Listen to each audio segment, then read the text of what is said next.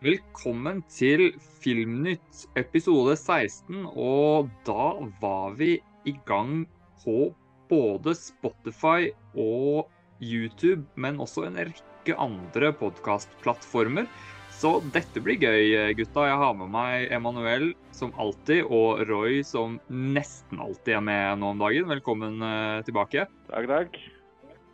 Det er jo eh, andre episode nå etter at sommerens store kinoevent eh, Barbenheimer, og også den ganske store eventen rett før Mission Impossible var.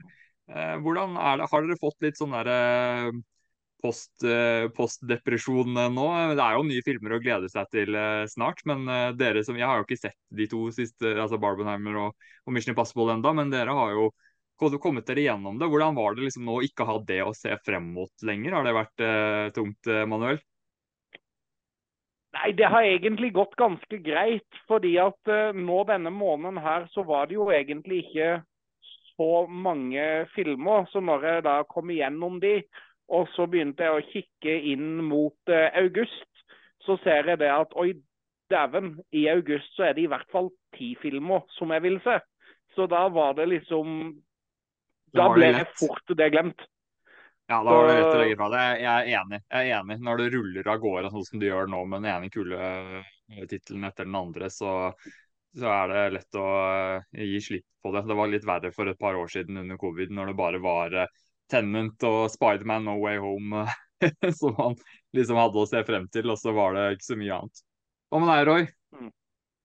Gleder du deg like mye til august med Manuel? Jo da, til, til august så, så, så, gleder jeg meg. Uh, men jeg merker akkurat denne uken uh, så har vi liksom I juli så har vi gått fra at uh, første uken så kom Elementals, andre uken kom Mission Impossible, tredje uken så hadde du både Barbie og Oppenheimer. Mens denne, denne uken her så har du enten en animasjonsfilm som heter 'Legenden om de små heltene'. Eller så har du liksom en ja, litt sånn indie-film som heter 'God is a Bullet'. Uh, som på en måte ikke de, de, er ikke like store. Så akkurat det uh, kjenner litt på denne hel, hel, helgen her.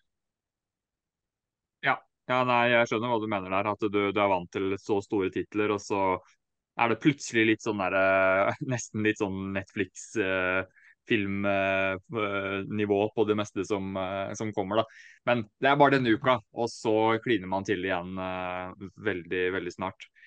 Bare en kjapp liten uh, update på hva vi skal gå gjennom her. For de som har begynt å lytte og er litt nysgjerrige på om de skal bruke mye tid på å høre på oss, så er det greit å vite hva vi skal gjennom. Alltid blir det noen spontane ting og noen veier hit og dit som vi ikke forventer. Men hovedtemaene er i hvert fall at vi skal åpenbart gjennom Secret Invasion. Fordi der hadde vi den siste episode i går, så den første sesongen der er avslutta.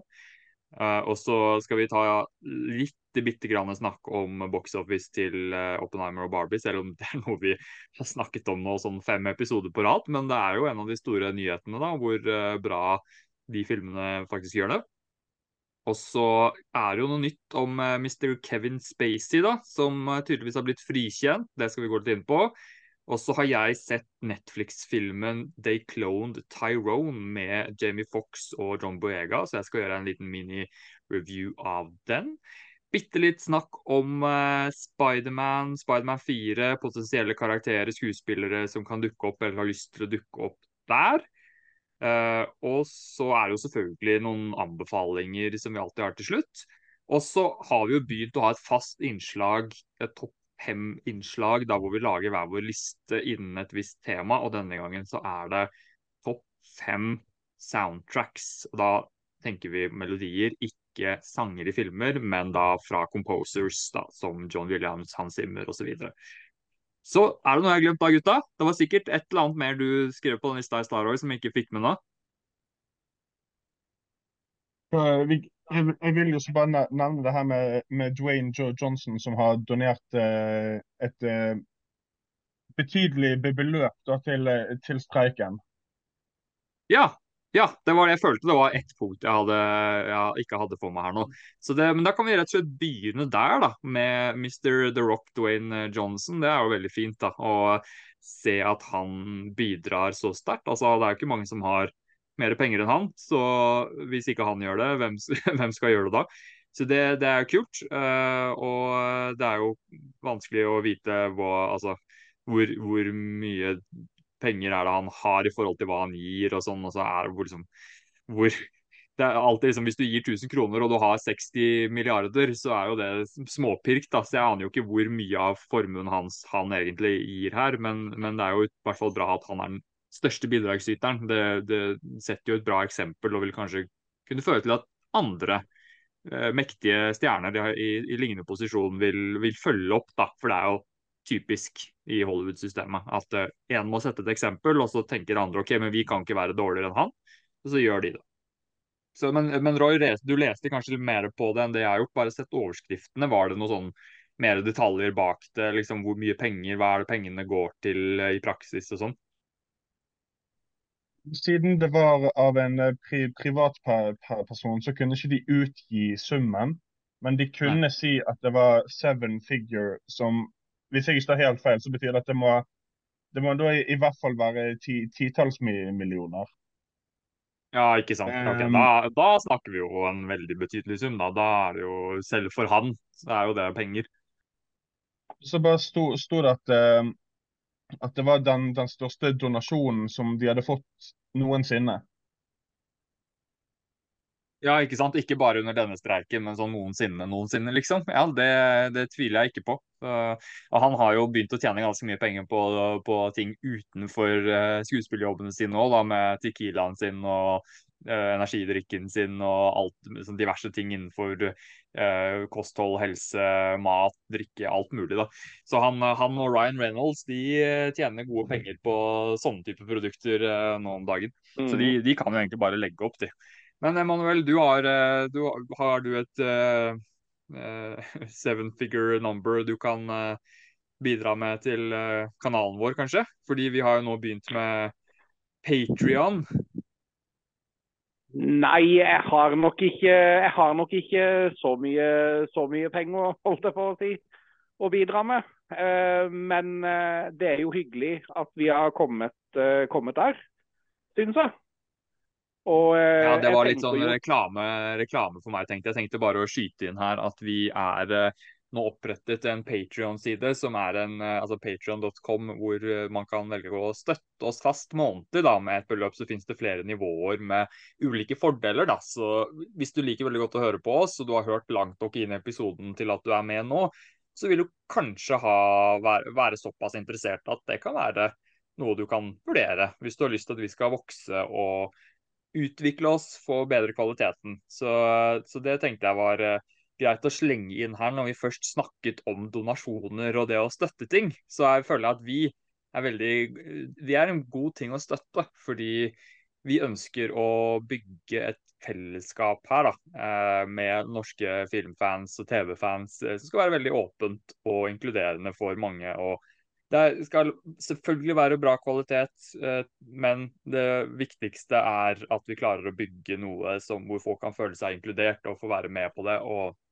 bygge et lite samfunn ut av det. Så vi er på god vei, fordi Emanuel og Roy de er akkurat de type personene som man trenger for å starte noe sånt her. Hyggelige personer som er eh, åpne og har sine meninger, men som det er veldig lett å være uenig med uten at det blir noe annet enn god stemning. Det er det vi er ute etter. da. Så Emanuel, har du noe mer å skyte inn her på uh, med The Rocks donasjoner? Er du eh, overraska over at han gir så mye penger? Overhodet ikke. Uh, Dwayne Johnson er kjent for å, for å, være en hva skal man kalle det, en fin fyr, en bra fyr. Mm. Selv om han på en måte en, kan ha litt sånn eh, stor truendes uh, utseende, så er han uh, regna for å være en av de altså en av de beste å jobbe med. Og er kjent for å være profesjonell på sett og behandle mennesker med respekt. Så jeg er overhodet ikke overraska over at Dwayne Johnson har gjort noe sånt som det der. Og det er sånne ting som det der som gjør at en skuespiller, om ikke nødvendigvis fordi at han er den beste skuespilleren, så er det med på å bidra liksom til den der, som de kalte i diverse talentprogrammer før, den derre X-faktoren som gjør at man har noe som gjør at man liker de litt bedre. Selv om ikke de nødvendigvis er verdens beste i det de gjør. Nei, det er nettopp ja. det. Han er ekstremt, ekstremt smart på det der. Og det er jo alltid altså det er vanskelig å vite hvordan han egentlig innerst inne er som privatperson, og hvor mye han liksom eh, hvor mye som er spill for galleriet. Men, men til syvende og sist så har jo ikke det så mye å si, så lenge han er så ålreit og gjør så mye ålreit som han gjør.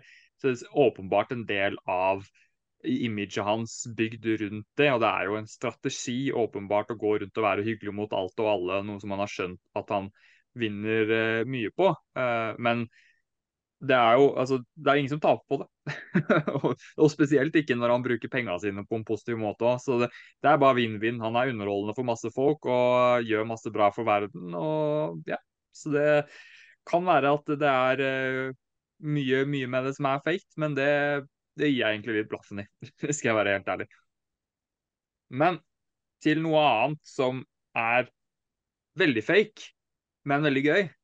Det er uh, Marvel-universet jeg har med tiden akseptert og skjønt at, at, de tingene som skjer i Marvel, ikke går an i virkeligheten, som jeg har måttet gjøre med mye annet eh, helt fra jeg var så liten at jeg skjønte at uh, sabeltannen ikke var ekte og sånn. Uh, og Samuel Jackson, han er i hvert fall ekte. Og han er en ekte skuespiller med mye, mye kvalitet. Og han har nå fullført sin første MCU-serie og den første MCU-serie eh, tittelen, som er hans, altså hvor han er hovedpersonen, hvor det er han som bærer det. Eh, og nå har jo ikke jeg sett avslutningen her, men jeg har jo sett de fire første episodene, og, og for meg så var han det sterkeste, og, og, dynamikken mellom han og Ben Mendelsohn det sterkeste i de fire første episodene. Så har jeg hørt jo hva dere nevnte litt sånn overfladisk om den siste, altså forrige ukes episode. Så nå er jeg nysgjerrig før jeg da får sett avslutningen selv. Eh, og dette har jo begynt å bli en trend der nå, hvor jeg hører deres tanker om noe som jeg gleder meg til før jeg får sett det selv. Så eh, har jeg god grunn til å, til å glede meg til, til avslutningen på uh, Secret Invasion, uh, Roy? Jeg ville kanskje skrudd for forventningene ett eller to hakk ned. Um, ja siden for, for meg, eh, i forhold til siste episoden, så syns jeg at, eh, at eh, Gra Gravik gjør en helt sinnssykt bra eh, eh monologscene der. Hvor jeg, jeg, jeg tenkte han det her er nesten Oscar-verdig i forhold til, til, resten av serien. Um, men når det er sagt, så føler jeg at når på en måte konklusjonen av serien er kommet, så føler jeg at man står litt på samme plass som når serien begynner. Mm. Um, og så føler jeg også at uh, sånne ting som at hvor lenge har, har, har Rody vært, uh, vært vekk og sånn. Det, det, blir til og med sport i serien. Og så får man bare vage svar som du har vært, venge, du har, du har vært lenge vekke. Uh, hvor jeg, jeg, bare tenker sånn Det, det er for meg supervagt hvor jeg, jeg bare håpet å få, få et svar, svar, på de greiene. da. Um, og så føler jeg at um, Jeg føler på en måte at serien var, var god uh, fra uke til uke, men at uh, det for meg ble en litt skuffende finale. Det er, ja, jeg hadde ikke forventa det, egentlig ut ifra hvor bra dere har likt serien til nå, og jeg syns at det var ganske jevn kvalitet. Så det var jo det var litt skuffende, men sikkert greit da, at jeg går inn med, med litt lavere forventninger. Eh, men eh, Emanuel, jeg mistenker kanskje at du ikke er helt enig med Roy, fordi du pleier å klare å liksom finne det positive i eh, det meste innenfor Marvel her. Er du, er du litt mer positiv enn han, eller? Jeg er litt mer positiv enn han, det er. Men eh, jeg må jo si det at jeg har jo ikke hatt nødvendig Altså, jeg har likt serien godt, men jeg har aldri gått med veldig høye forventninger. Og jeg hadde jo ikke kjempehøye forventninger til siste episode, annet enn at dette blir sikkert en, en god slutt. Eh, jeg, jeg, skjønte jo hvor lenge Rody hadde vært en scroll, bare sånn at eh, det er sagt. Eh, ja. Fordi at det, ja. Det, det så man det, det, det, skjønte man, holdt jeg på å si, i, i den tilstanden og det der. Men eh, jeg må jo si det at uh, han skuespilleren som spiller Gravik Jeg syntes Jeg ble litt sånn skuffa av det der, fordi at det virka som en sånn en uh, gal hevnvendetta som bare var fullt som ba, altså, det, alle, altså, Jeg følte alle intensjonene rundt det var feil på alle mulige måter. Og da da, da, kjente jeg at jeg ble litt, jeg litt, litt skuffa der, altså. Pluss at ja, jeg følte ikke at jeg fikk noe her som knytta dette her opp videre til, til uh, The Marvels, og det, det skuffa meg også. Men jeg syns det var gøy, men jeg er litt skuffa. Det, det, det, må jeg være helt ærlig på, selv, selv om jeg likte episoden. Så en uh, totalt sett god og velspilt uh, Marvel-serie med en uh, litt skuffende slutt. Er det riktig måte å konkludere med fra deres perspektiv? Ja, i hvert fall sånn på min del. Og så var det noen ting som Altså det var en ting som jeg bare ikke fikk helt til å få, gi helt mening. Fordi at du hadde ikke sett de to siste episodene? Eller Nei, jeg har sett, sett bare til nummer fire. Ja. Fordi at det var Altså, det handler jo om likevel det derre DNA-et holdt jeg på å si, som han, som, samle, som han skal ha tak på. Og så kommer det liksom en skjerm ikke vel opp der ikke vel, hvor det står alt DNA som er tilgjengelig der. Og da glimsa jeg et navn på en karakter som er I hvert fall sånn jeg husker Avengers Endgame, så var ikke den karakteren til stede der. Og da tenkte jeg, var det slurv, eller var det noe de gjorde for å se om folk fulgte med? Ja, nei. Det, det, får vi vel kanskje vite en annen gang. Jeg vet ikke. Var du, var ja. du merket det også, Roy, eller? Nødvendigvis den, den ene kar kar karakteren. Det, det må jeg ærlig si at jeg ikke la merke til. Men um, da når du ser hele den den situasjonen der, der, der da, uh, så har jo Marvel tidligere hatt uh, på en måte uh, en slags kritikk på seg at enkelte karakterer er litt overpowered. Mm. og hvis de, hvis de ikke har hatt det før, så får de det i hvert fall nå. Ja. ja. Oh, ja. OK, var det noe som skjedde i siste episode? Ja. Nå ble jeg nysgjerrig her. Nå ble jeg veldig nysgjerrig. Ok, kan, jeg, jeg, jeg, klarer ikke å holde meg. Jeg vil vite hvem det er. Jeg vil vite hvem det er. Så lukk de som hører på og ikke har sett det, bare lukk ørene i, i uh, ett minutt. Uh, Roy, hvem er det? Det er Gaia Emilia Clarkson sin karakter. Hun får uh, da jeg vet ikke, 20 forskjellige Avengers sine krefter, eller forskjellige MCU-karakterer sine krefter. På grunn av de her eh, pillene og sånn? OK, greit. Så hun blir basically liksom på Captain Marvel-nivå, da? Med mer enn det. Ja, mer, mer enn det? det. ja, Hvordan går det? det hva, hva, er det hun, hva er det hun gjør fikk, for noe da? Nei, altså Hun fikk jo bl.a. bruk for Mantis uh, sine krefter på et uh, tidspunkt der. Det var egentlig ganske morsomt. Altså, hun, får, hun, får, faktisk de spesifikke kreftene som de forskjellige karakterene man har sett før, har. Sånn veldig sånn gjenkjennbart, liksom. Ja. Ja, OK. Ja, da, da, snakker vi. Det blir jo interessant å se hvor, hvordan vi skal bruke det. da. Jeg føler jo at den en karakter er overpowered eller ikke, det, har mye å si hvordan det blir brukt, føler jeg, i forhold til plottet. Hvis de bruker det som sånn veldig enkle løsninger på, på, problemer som har vært kompliserte og vanskelige, og så skal det bare komme inn en og fikse alt. Da er jo da jeg følte at det er et problem, og det var jo det mange var redd for at de skulle gjøre med Captain Marvel, men det syns jeg de løste på en veldig fin måte. Hun fikk jo komme inn og vise hvor badass hun var, uten at hun på en måte alene skulle komme og bli løsningen på alt. da. Så det er jo ikke sikkert at det får noen særlige konsekvenser, da, at, hun, at du ser at hun har det der. Men uh, ja, det, vi, vi, får se. Vi får se hva Kalisi uh, bringer til bordet hvis hun skal uh, være en del av de neste Avengers-filmene. Men det var spenstig, spenstig å høre. Det, da, det fikk jeg faktisk til å glede meg litt mer til siste episode. Fordi, ikke fordi at det nødvendigvis trenger å være bra, men bare, det bare hørtes såpass sprøtt ut at jeg gleder meg litt til å se hva, hva det betyr, eller liksom hvilke krefter hun faktisk bruker. Men, eh, men, da kan vi jo hoppe over på litt andre ting innenfor for Marvel-superhelter. Uh, Spiderman. Vi har jo hatt noen relativt suksessfulle Spiderman-filmer med Tom Holland, vil jeg si. spesielt den siste, som jeg var veldig glad i, No Way Home.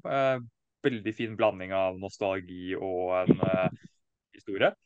Men vi har jo lurt lenge på, da, og det har jo alle som har likt Spiderman, hvor lenge er det til neste Spiderman-film? Og er det fortsatt Tom Holland?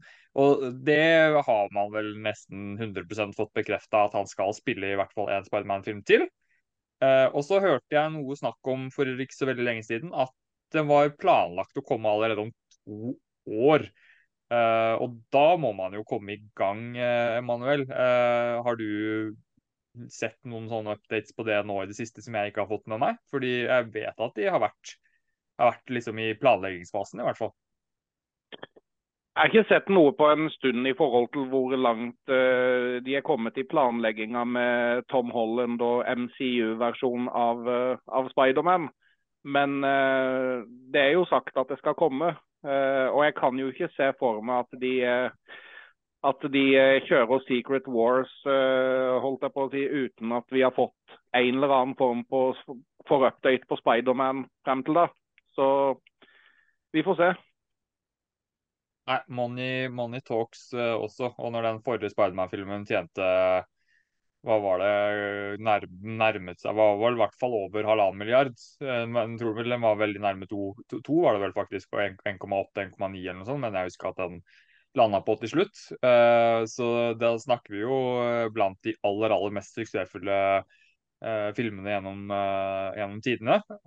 og kanskje nummer Altså bak Infinity War og, og, Endgame, så er det vel kanskje den mest innbringende superheltfilmen gjennom tidene, hvis ikke jeg husker feil nå.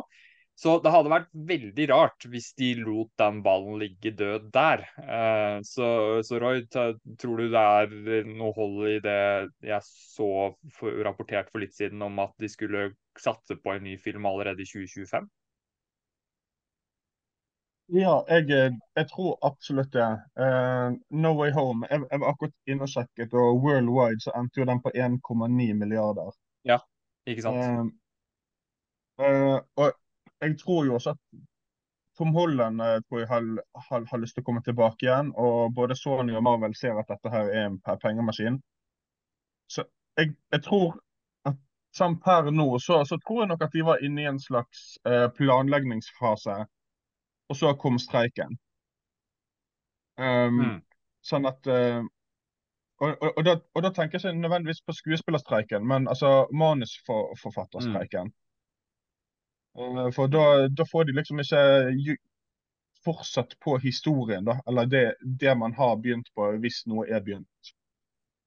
Nei, det er jo åpenbart. Og det er jo den, eh, altså den streiken har jo pågått mye lenger enn skuespillerstreiken. Så det kan jo potensielt ha fått uh, ganske dramatiske konsekvenser for en, en Spiderman 4. Uh, men så vet man jo også at manusforfattere de, altså Det er ingenting som sier at de ikke kan jobbe med dette på egen hånd hvis de ønsker det. Uh, og, og, den type manusforfattere som skriver sånne ting som det der, de, de liker jo ofte å skrive.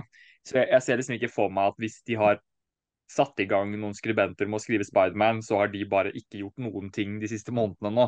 Eh, men åpenbart sikkert ikke gjort i nærheten av like mye som de ville gjort hvis det ikke eh, var en streik, da. Eh, men, jeg tror ikke nødvendigvis at streiken betyr at det ikke er noen skribenter som jobber på noen ideer eller noen ting eller utvikler noe rundt det.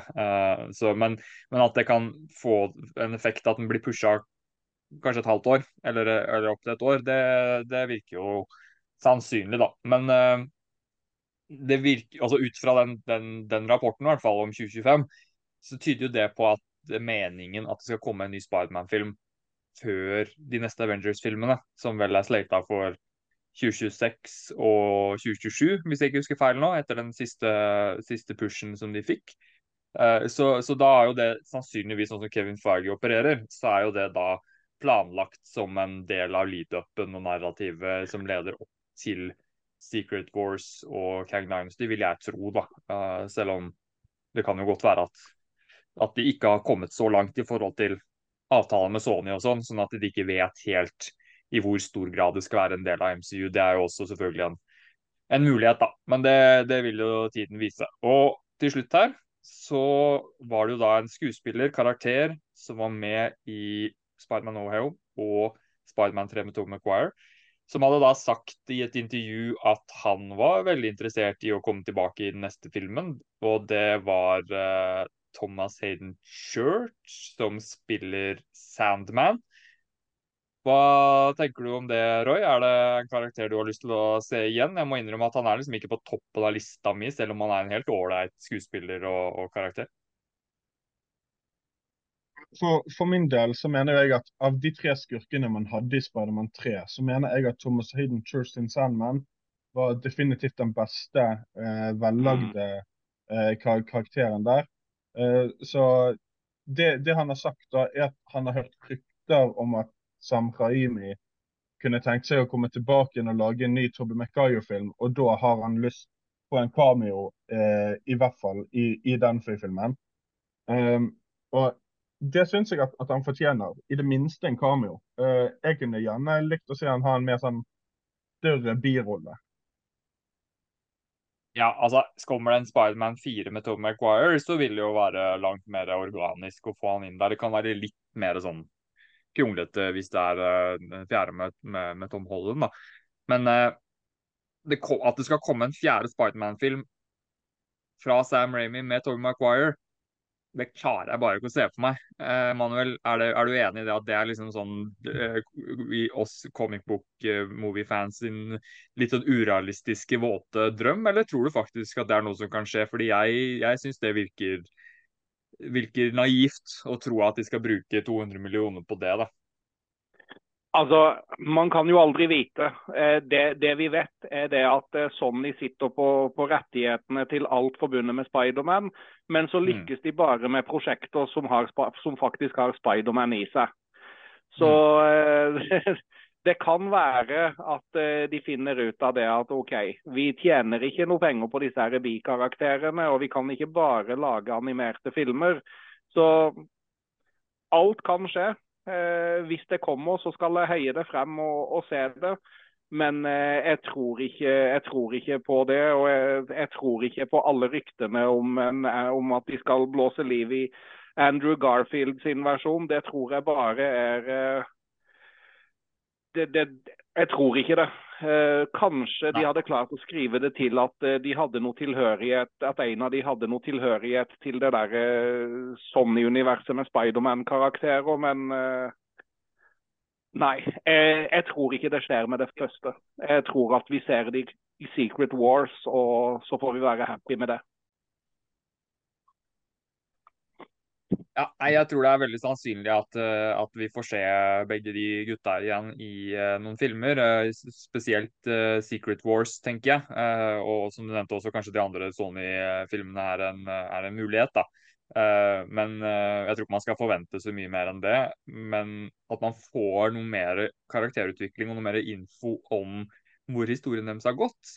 For det tror jeg veldig mange er interessert i. Det kan jeg absolutt se for meg at de velger å legge inn. da, eh, og, og, kanskje det kan være lettere å gjøre i animert form, siden du allerede er i gang med et multivers knyttet til Across the Spider-Verse, da, eh, og hvor man da har en god mulighet til å på en relativt enkel, billig måte bruke de karakterene og fortelle deler av historien deres, og hvor det har gått, uten at du er nødt til å bruke uhorvelig mye penger på å lage en Spiderman 4 eller en Amazing Spiderman 3, som eh, jeg tror nok at det er spesielt interesserte som hadde sett det, og det hadde vært veldig vanskelig eh, så mange år etterpå å lage en Spiderman 4 og så tenke at det skal gå skikkelig i pluss. Da. Eh, da må du i hvert fall gjøre en veldig god jobb med å etablere det eh, knytta til MCU eller noe over tid, før du kan gjøre det, tenker jeg. Roy driver og eh, rekker opp hånda her. da er det som regel noe spennende som kommer. Ja, jeg, jeg, bare sky, skyter inn i akkurat det, det her temaet. da. At uh, etter at han hadde laget uh, Doctor Strange in the Multiverse of Madness, så gikk jo også Sam ut og ga, ga oss fans litt håp uh, med setningen I've come to realize after making Doctor Strange that anything is possible, really anything in the Marvel universe, any team-ups. I love Toby, I love Kirsten Dunst, I think all things are possible. Uh, sånn at uh, jeg, vet ikke, jeg, vet ikke, om det, om det ligger noe mer bare bak det, men det gir meg håp. Ja, og jeg tror du har uh, god grunn til å ha håp når det gjelder å se karakterene igjen, og at de kan få noe viktig å gjøre i Marvel. Det tror jeg absolutt. Uh, men så er det veldig stor forskjell på det og det å få en egen kinofilm, uh, sånn som ting er i dag. Da vil jeg tro det var mer sannsynlig med en spesial på Disney pluss eller et eller annet, da. Men uh, tiden får vise. Og i multiverset så kan alt skje, som vi har vært inne på tidligere. Så man skal aldri si aldri i, i den bransjen der. Det finner de ut at det er noen som kan tjene penger, så plutselig så kommer allikevel. Så det Ting kan snu. Absolutt. Er vi klare til å uh, legge superheltene litt uh, i skuffen uh, en liten stund nå? Skal vi gå over på noe annet? All right. Ja. Da tenker jeg at jeg bare skal ta en liten mini-review her av den filmen jeg så på Netflix i går, med Jamie Fox og John Boyega. They cloned Tyrone. Og det er jo en film som jeg ikke hadde fått helt med meg. Selv om jeg hadde hørt tittelen så vidt, så hadde jeg liksom ikke registrert hva konseptet var. Og så gikk jeg inn på Netflix og så at den hadde veldig god rating på, uh, på flere steder på nettet. Uh, og spesielt på Rotten Tomatoes. Og da tenkte jeg ok, den er jo faktisk verdt å sjekke ut. Uh, og den er relativt ny også, flere skuespillere jeg liker. veldig ofte at jeg syns Netflix-filmer er ganske tamme. Og de får jo ikke som regel så god kritikk heller, så her håpet jeg at det var liksom noe litt mer enn uh, det vanlige. Uh, dessverre så må jeg si at jeg nok igjen ble skuffa av uh, Netflix-film. ikke alltid blir det, og det var på ingen måte en dårlig film. men det var liksom bare Ja, det var veldig Netflix-film. Det var liksom et eller annet som, som mangla. Uh, og filmen er jo en blanding av ganske mange konsepter og sjangere. Det er sci-fi, mystery, eh, drama. da. Eh, hvor, uten at jeg skal spoile noe, så er det jo altså, det ligger jo litt i tittelen. Det er cloned Tyrone. Så det er jo noe kloning inn i bildet her, åpenbart. Og John Boyega er hovedpersonen, og han er på bildet på, på coveret, og du skjønner at det er jo han som har blitt klona. Akkurat hva det betyr, Uh, skal jeg ikke spoile, men det er litt sånn Jordan Peel-vibes her, bare på en langt mer humoristisk og, og, langt mindre skummel og ikke så spennende måte. Uh, men altså, det er jo sjarmerende skuespillere, og, og, det er en del tematikk i filmen rundt uh, rase og sånn, sånn som det er i filmen til Jordan Peel, som jeg syns var interessant, som funker bra. men filmen prøver kanskje litt for hardt å være mange ting på en gang. Altså Når du skal prøve, prøve å både være mystisk, prøve å være spennende, prøve å være morsom, prøve å være eh, liksom relevant i forhold til, eh, til politiske og sosiale problemer, eh, så, og du er en Netflix-film på to timer, da, da, skal du virkelig være skrevet og regissert bra for å klare å lykkes på alt mulig. Så jeg tror kanskje at den suppa der gjorde at den, den, gjorde liksom alle tingene sånn halvveis eh, for min del. Hvor jeg syns at midtpartiet av filmen kanskje var det sterkeste, da hvor den tillot seg å, å, lene seg litt mer inn i det seriøse, hvor man liksom skjønte litt hva det var filmskaperne faktisk ønsket å fortelle med den filmen her. Eh, da, da, ble jeg dratt inn. Men første halvdel av filmen, hvor den er litt mer sånn wacky eh, sci-fi, humor, tullete, tøysete film, før du skjønner hva den egentlig handler om, eh, og kanskje de burde snudd på det. Fordi fra midtdelen av filmen, når den ble litt mer alvorlig, da begynte jeg faktisk å bry meg. Da begynte jeg å bry meg om karakterene, bry meg om plottet. Og da var det mye lettere å være med på reisen. Eh, mens i starten så hadde jeg ingen investering i noen ting, og ting var ganske bare sånn tullete og tøysete. Uh, og da begynte jeg, da sova jeg ganske fort ut, rett og slett. da. Så litt sånn rar struktur og litt sånn rar blanding av mye greier i, i filmen som gjorde at jeg slet litt med å få maks ut av den. Uh, men, men, det betyr ikke at jeg ikke anbefaler den. Uh, hvis man først skal se en Netflix-film, så er det nok en av de i hvert fall en av de bedre som har kommet i år, uh, selv om ikke den er veldig god. Så, så, er det nok verdt, hvis du først skal velge en av de litt nyere Netflix-originale, så, så, ta en titt på den, i hvert fall hvis du liker litt den sjangeren og, og, og de skuespillerne også. Uh, og så må jeg da skyte inn med, uten at det, jeg ser ikke på det som noen ordentlig spoiler, ikke skuespillere som er med, men hvis du absolutt ikke vil høre det, så hopp over et halvt minutt nå. Men uh, jeg likte veldig godt at uh, Keefer Sutherland plutselig dukker opp som bad guy ganske langt ut i filmen. da. for han er jeg veldig svak for. Så når jeg liksom satt og liksom småkjeda meg litt, og jeg plutselig hørte stemmen hans, så var jeg plutselig helt med igjen i, i, filmen. Og han er jo underholdende som alltid, syns jeg, da. Så helt grei film med noen veldig viktige, gode elementer og, og veldig bra eh, poenger i forhold til en del sånn ting knytta til hvordan USA fungerer i forhold til klasse og rase og sånne ting. Eh, men det var liksom Det ble jo litt sånn begravd i mye annet tullball som Det tullballet i seg selv var jo ikke dårlig, men det bare Ja. Det ble en rar blanding for meg. Så jeg, jeg skulle ønske jeg likte den mye bedre enn jeg gjorde. Så jeg tenker at, eh, hold, at vi holder oss til altså, Hvis jeg skal anbefale dere hva dere skal bruke tida på, så vil mye av det som kommer på kino fremover, være bedre, eh, sannsynligvis, å bruke tida på. For da får du i hvert fall en kinoopplevelse.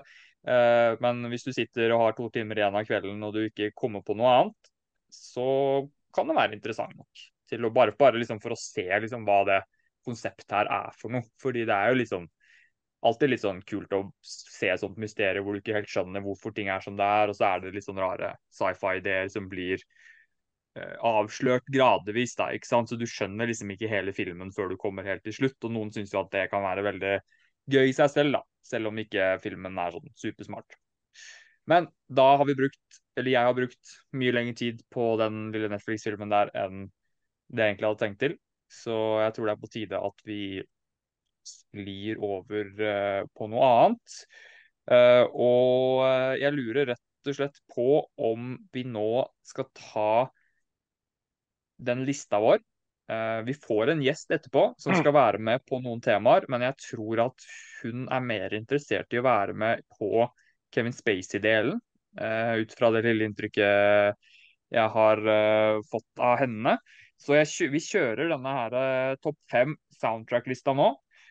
Og så blir det masse spenstig Kevin Spacey-prat. og da er jeg litt nysgjerrig, for da tror jeg det kan bli ganske sånn delte meninger mellom oss, faktisk, på den saken. Men dette her har jeg grua meg til topp fem soundtracks. Det var min idé, og det var, jeg var slem mot meg selv.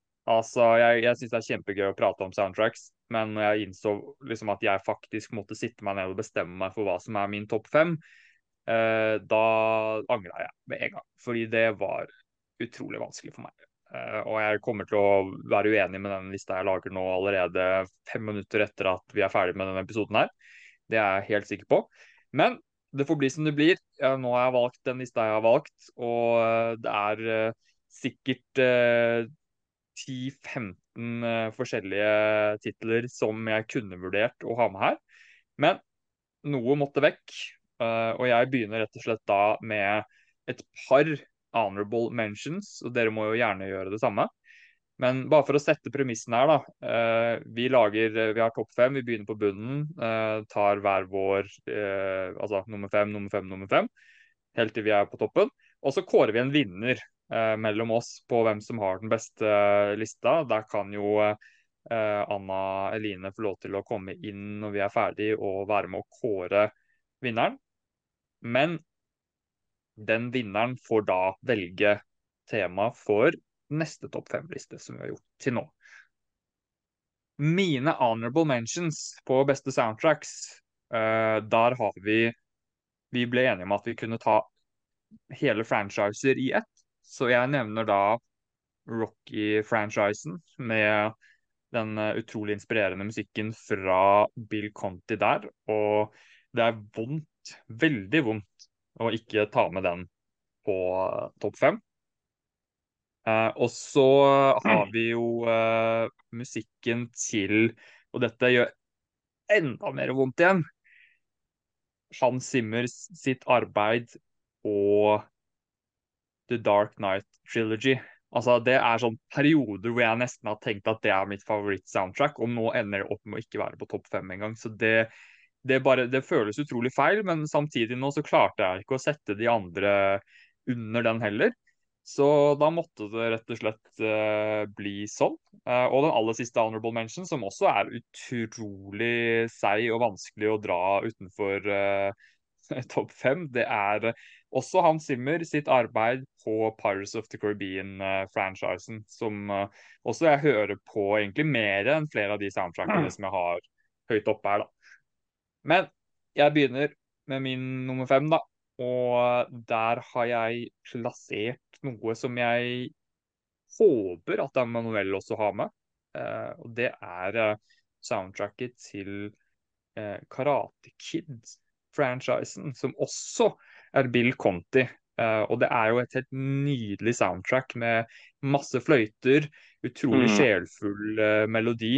Og det, det, gir meg så mye ro å høre på det hoved... Ikke bare hovedtemaet, mye av det andre òg, og, og, hvordan han da i hver film bygger videre på det han har lagd i forrige film, og utvider det lite grann.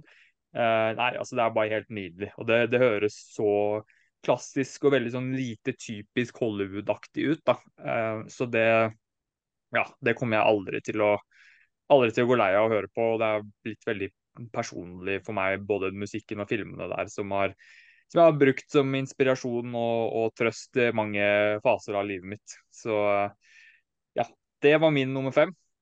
Du Emanuel skal få lov til å følge opp der og se om du klarer ja. å ha noe like bra som meg. Ja, eh, hvis jeg bare skal ta noen eh, honorable mentions, så, så, vil jeg jo si det at noe av det jeg hører mest på i bilen, fordi at det pumper meg ganske bra opp. Det er to stykker, en som heter Leo Bierenberg og Zack Robinson, som har laga dritbra soundtrack til Cobra Kai-serien. Mm, det, det, det, hører jeg masse på. Det har jeg ofte på i bilen. Hvis jeg skal gjøre husarbeid, så setter jeg det på. Um, det fikk jeg dessverre ikke med på lista. Jeg vil trekke frem Alan Silvestri sitt, også, sitt arbeid spesielt med Avengers Endgame-soundtracket. Den der ene melodien, 'The Real Hero', den som spilles i bakgrunnen når uh, Tony Stark ofrer seg og eh, du ser begravelsen, den der rolige melodien der. Altså, jeg, altså, jeg kjenner jeg, jeg blir emosjonell bare jeg snakker om det temaet. Ja. Uh, og så er det jo selvfølgelig, jeg må jo ta med Bill Conti sitt for Karate Kid. Det har de ikke med på lista. Men akkurat den der fløytemelodien, som er den samme melodien som bygger på The Moment of Truth-sangen, eller The Moment of Truth bygger vel på den melodien, tror jeg kanskje er mer riktig. Det, mm det er ting som jeg gjerne skulle hatt med på lista, men eh, det fikk, eh, det fikk rett og slett ikke plass. Men eh, på min femteplass, og nå gjør jeg jo noe som er veldig typisk med, noe som dere mest sannsynlig ikke kjenner til. Men en kjent sånn der elektronikamusiker som heter Jean-Michel Jarre, som hadde en stor sang som heter Oxygen. Oxygen Uh, han har en far som heter Maurice uh, Jarre. Eller Jar, eller jeg klarer ikke å si det der franske. Han lagde et sinnssykt episk uh, soundtrack til en miniserie fra 1977 som heter 'Jesus of Nazareth'. Det er noe av det beste jeg noen gang har hørt. Det er oppe på nivå med de der gamle, gamle, gamle, gamle Sand og Sandalo-filmene, holdt jeg på å si. Så uh, jeg vil anbefale å sjekke ut Maurice Jarre sitt soundtrack for 'Jesus of Nazareth'. Og for så vidt også er miniserien fra 1977, eh, som også er veldig god. Så det, den har jeg på min femteplass. så er kanskje forhåpentligvis de fire neste mer kjente. Ja, nei, Du hadde helt rett at jeg ikke hadde hørt om det der. Altså, men jeg er såpass interessert i soundtrack generelt at det, det kan jeg godt være at jeg liker å, å høre på det er, hvis det er så bra som det du sier. Så det, det skal jeg sjekke ut.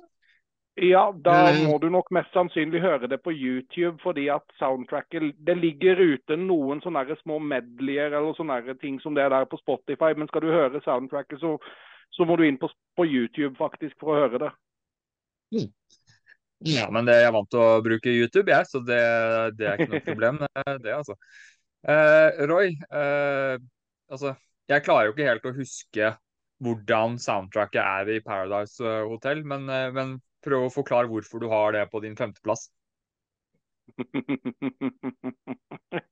uh, nå skulle vi jo ta, ta soundtrack eh, på en måte sånn fra, fra A til, til Å. altså et, et helt sånn der eh, Ikke enkeltsanger, men, men al, al, album, da. Ja. Dessverre så er jo det eneste gode sangen på hele Paradise Hotel-albumet er jo bare den main T-teamen. så det ja, kunne jeg velge, da. Men uh, det, det, jeg da har valgt på en femteplass, for jeg har gått litt etter denne listen, så jeg har forsøkt å, å finne fem forskjellige komponister på hver plass. Uh, så det jeg har gjort på femteplass, er at der har jeg satt inn Ludvig uh, Göransson med The Mandalorian. Oh, ja. Rett og slett siden, siden det er det er en score og en team som uh, hvor jeg ble aldri skikkelig sånn pumped for å se en Mandalorian-episode før eh, liksom den introtimen hadde kommet. Og, og, den eh, musikken som går i bakgrunnen der, er, er, er for meg ganske, ganske spesiell. Og jeg fikk et ekstra stort eh, eh, forhold til, til, det, for de hadde jo denne Mandalorian, hvordan den var lagd hele første sesongen, hvor de gikk gjennom alt fra skuespillere til, til regissører så hadde de også en som handlet om musikken, hvor du fikk se liksom, Ludvig Gransson holde på med forskjellige instrumenter, og dette vil passe der, og dette passer der pga. det. Og det, det gjorde at da, da, kom den eh, fort, eh, høy, høyt opp på listen min. da. Hmm. Det er ikke et dumt valg. Nå skal jeg innrømme at jeg igjen har Det er litt dårlig kommunikasjon her, fordi jeg, jeg har tenkt bare filmer eh, egentlig. Selv om vi aldri presiserte det. Jeg vet ikke nødvendigvis om lista mi hadde blitt annerledes, men det kan være og Da var jeg i hvert fall ta med en honorable mention til, fordi Game of Thrones-soundtracket hadde vært aktuelt for meg. Jeg tror ikke det hadde havnet på topp fem, men jeg hadde liksom måttet tenke litt på det. Eh, om den kanskje kunne tatt eh, spotten til, eh, til Karate der. Men eh, jeg tror jeg ville holdt lista lik, i hvert fall. Men det ville vært den fra, fra, TV som ville vært nærmest, i hvert fall. Eh, fordi det er jo et helt fantastisk soundtrack med utrolig mye variasjon og mange forskjellige temaer. Så den, den var verdt å nevne når vi først skulle ta med TV også. Men eh, min nummer fire, der fikk jeg plass til eh, Hans Zimmer, som vel er blitt den komponisten jeg hører mest på, eh, og som kanskje nå har passert John Williams i hvor mange av eh, temaene og soundtrackene hans jeg virkelig digger. Uh, og hvis jeg hadde laget en topp 20-liste, så tror jeg fort Hans Zimmer hadde blitt den som hadde dominert mest på topp 20. Men aller, aller øverst, topp 5, så har jeg bare plass til én tittel fra han. Og da måtte det naturligvis bli den tittelen som jeg hadde på førsteplass da jeg lagde en rangering av min topp ti Hans Zimmer soundtrack som jeg har ute på, på kanalen. Og det er soundtrack til en film som jeg egentlig ikke liker sånn veldig godt, men soundtracket er bare helt utrolig. Og det er soundtracket til Man of Steel, som jeg Ja, det er, det er mesterverk av eh, Hans Zimmer, hvor han bruker mye av den typiske Hans Zimmer-stilen eh, som du kjenner igjen, men også gjør nok av nye ting med altså blanding av piano, litt sånn elektroniske greier og mer bombastisk musikk. Og klarer å veve inn sånn veldig sånne sjelfulle temaer med litt med den mer kraftfulle energien som du forbinder med Supermann.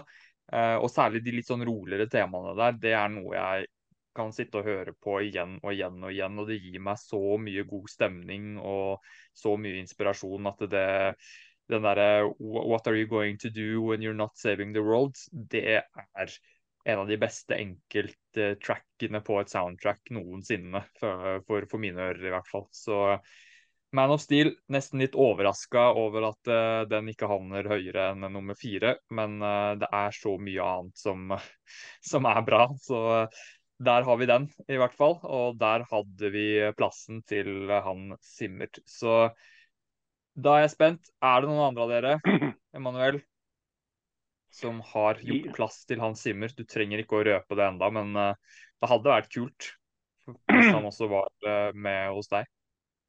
Ja, vi får uh, se. Uh, på fjerdeplassen uh, Og nå vil jeg si det at resten av lista mi føler jeg nesten omtrent er en fasit her. Men på fjerdeplass så må vi jo ha noe som hører hjemme på, på, en sånn liste. Altså Vi vet at John Williams hører hjemme på, på en sånn liste. Ja, Og denne musikken her, den, den hører hjemme. Altså, Det er vel kanskje den eneste plassen vi kan si at et, det, i, i, selve hovedtemaet, hvor et triangel faktisk er viktig. Vi starter med en lang tone, dramatisk tone og et triangel. Men det er så mye mer. Og selvfølgelig så må Star Wars-musikken fra den originale triologien være med på denne lista her.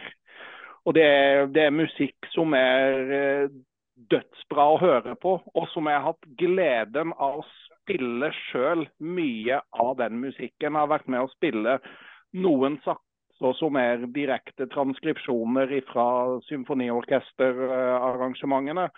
Og det er jo også ekstremt teknisk komplisert musikk å gjennomføre.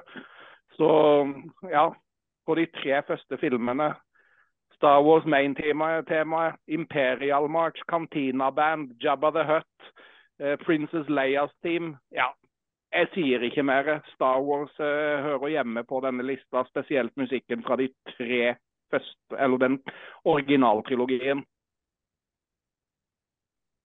Det varmer, varmer Star Wars-hjertet mitt veldig at du fant plass til, til uh, den franchisen der. Det, det var bra. Det var bra. Da pluss i boka. Så nå, du, nå, du, nå, leder du mellom dere to, i hvert fall hvem som vinner, eh, for, for, min del.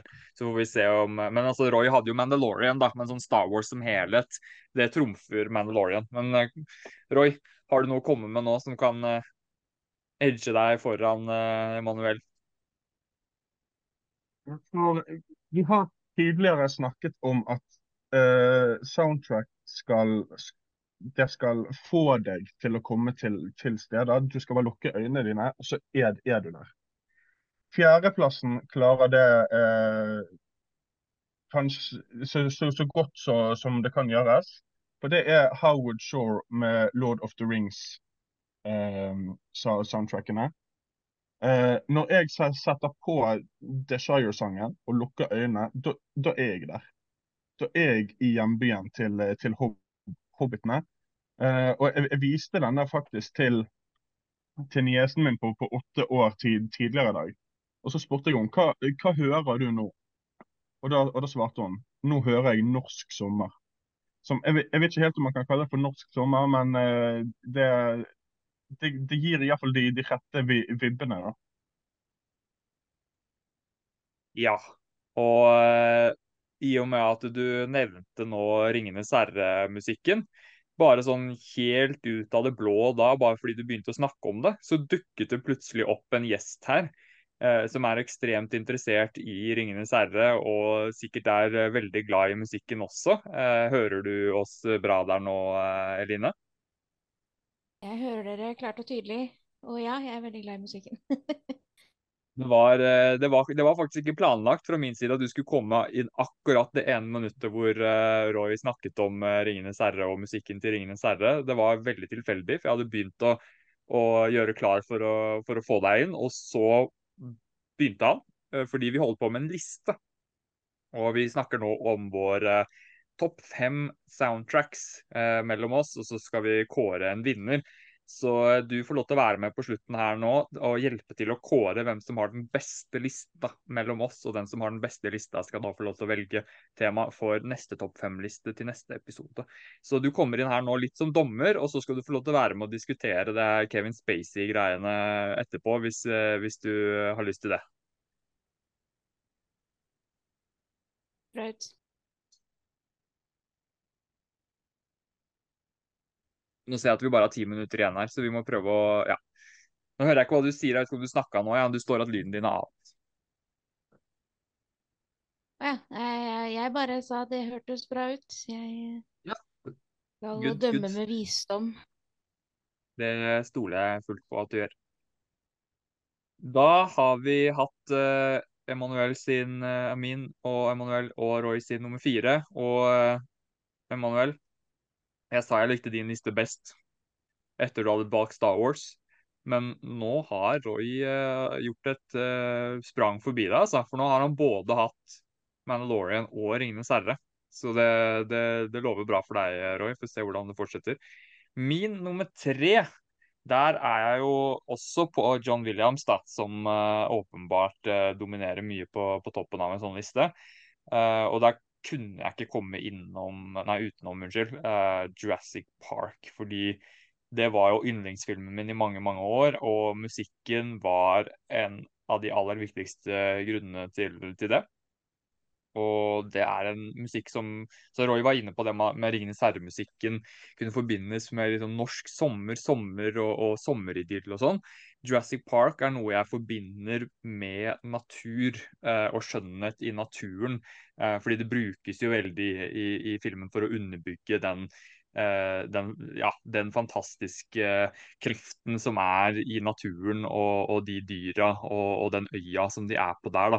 Eh, og hver gang jeg hører på det, så føler jeg liksom at det kommer til meg en eller annen sånn følelse av naturens kraft og, og, og dyr og, dinosaurers kraft på, på, på jorda. da.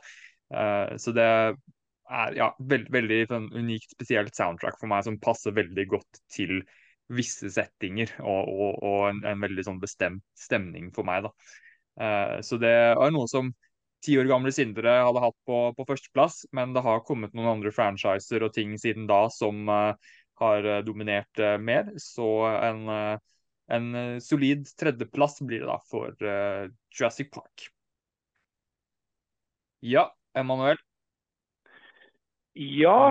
Nummer tre. Ja. Eh, her kommer Hans Zimmer inn i bildet, men han kommer Mm. ikke inn i bildet helt alene. Fordi Nei. at uh, her uh, er det litt uh, krysninger av hans sitt arbeid sammen med Harold Faltermeyer sitt arbeid. Mm. Og det er Top, Top Gun-musikken fra både vanlig Top Gun og Top Gun Maverick. Ja.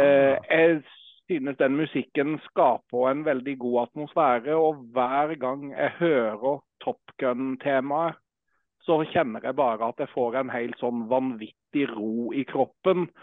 Og den roen og den følelsen jeg fikk i kroppen når, i fjor når jeg var på kino og så Top Gun Maverick, det var, eh, det var bare Å, gud. Dette her kommer til å bli spesielt. Så her eh, her eh, setter jeg inn Top Gun-musikken på min tredjeplass. Og her har jo Harold Faltermeyer vært med originalt, men han Zimmer lagde da den nye musikken med elementer fra det til Top Gun Maverick.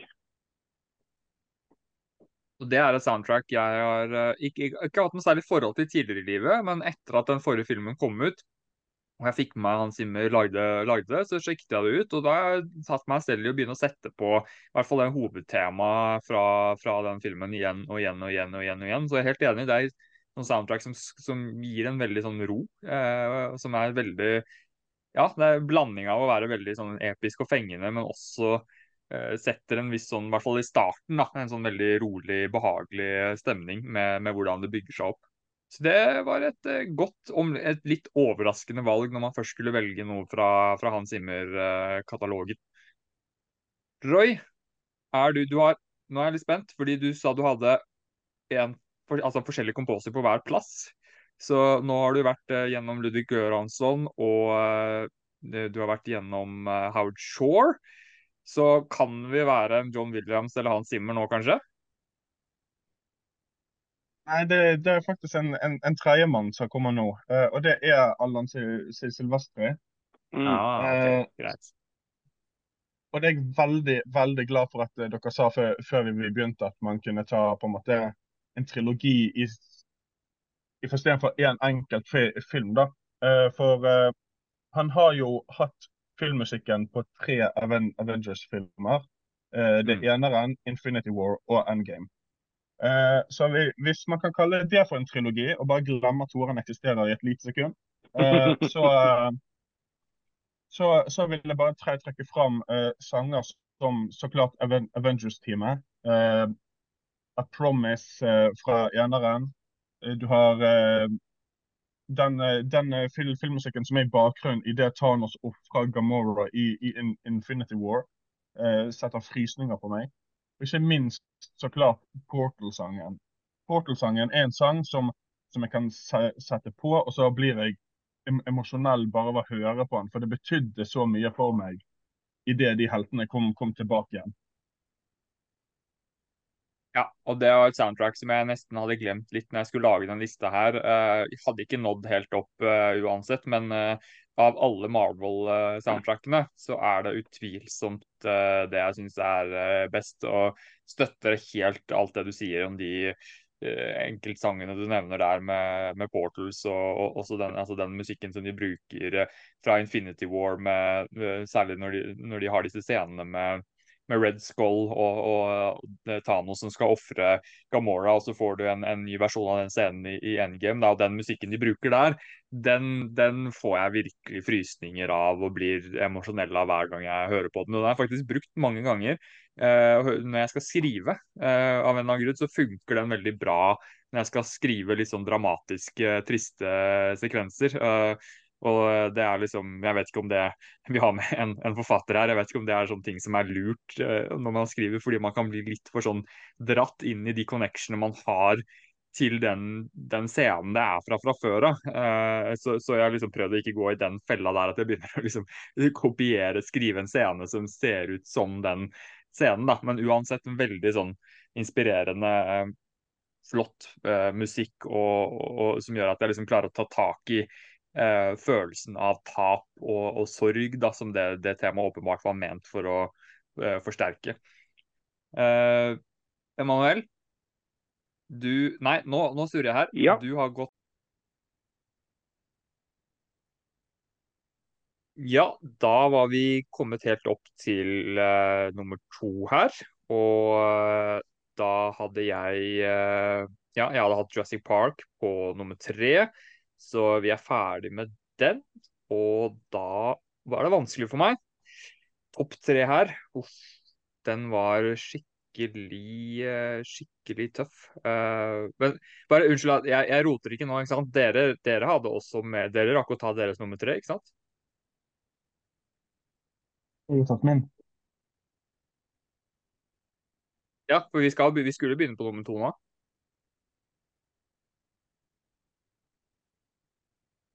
Manuel, Eh, Ja, det var nummer to, ja. du har tatt din nummer tre? Jeg har tatt min nummer tre, ja. Ja, ok, bra. Da var det jeg som skulle ta nummer to. Ok, og uh, topp to her, det var kanskje det vanskeligste valget av dem alle. Uh, men vi ender nå sånn da på at det er nok et verk fra John Williams på nummer to.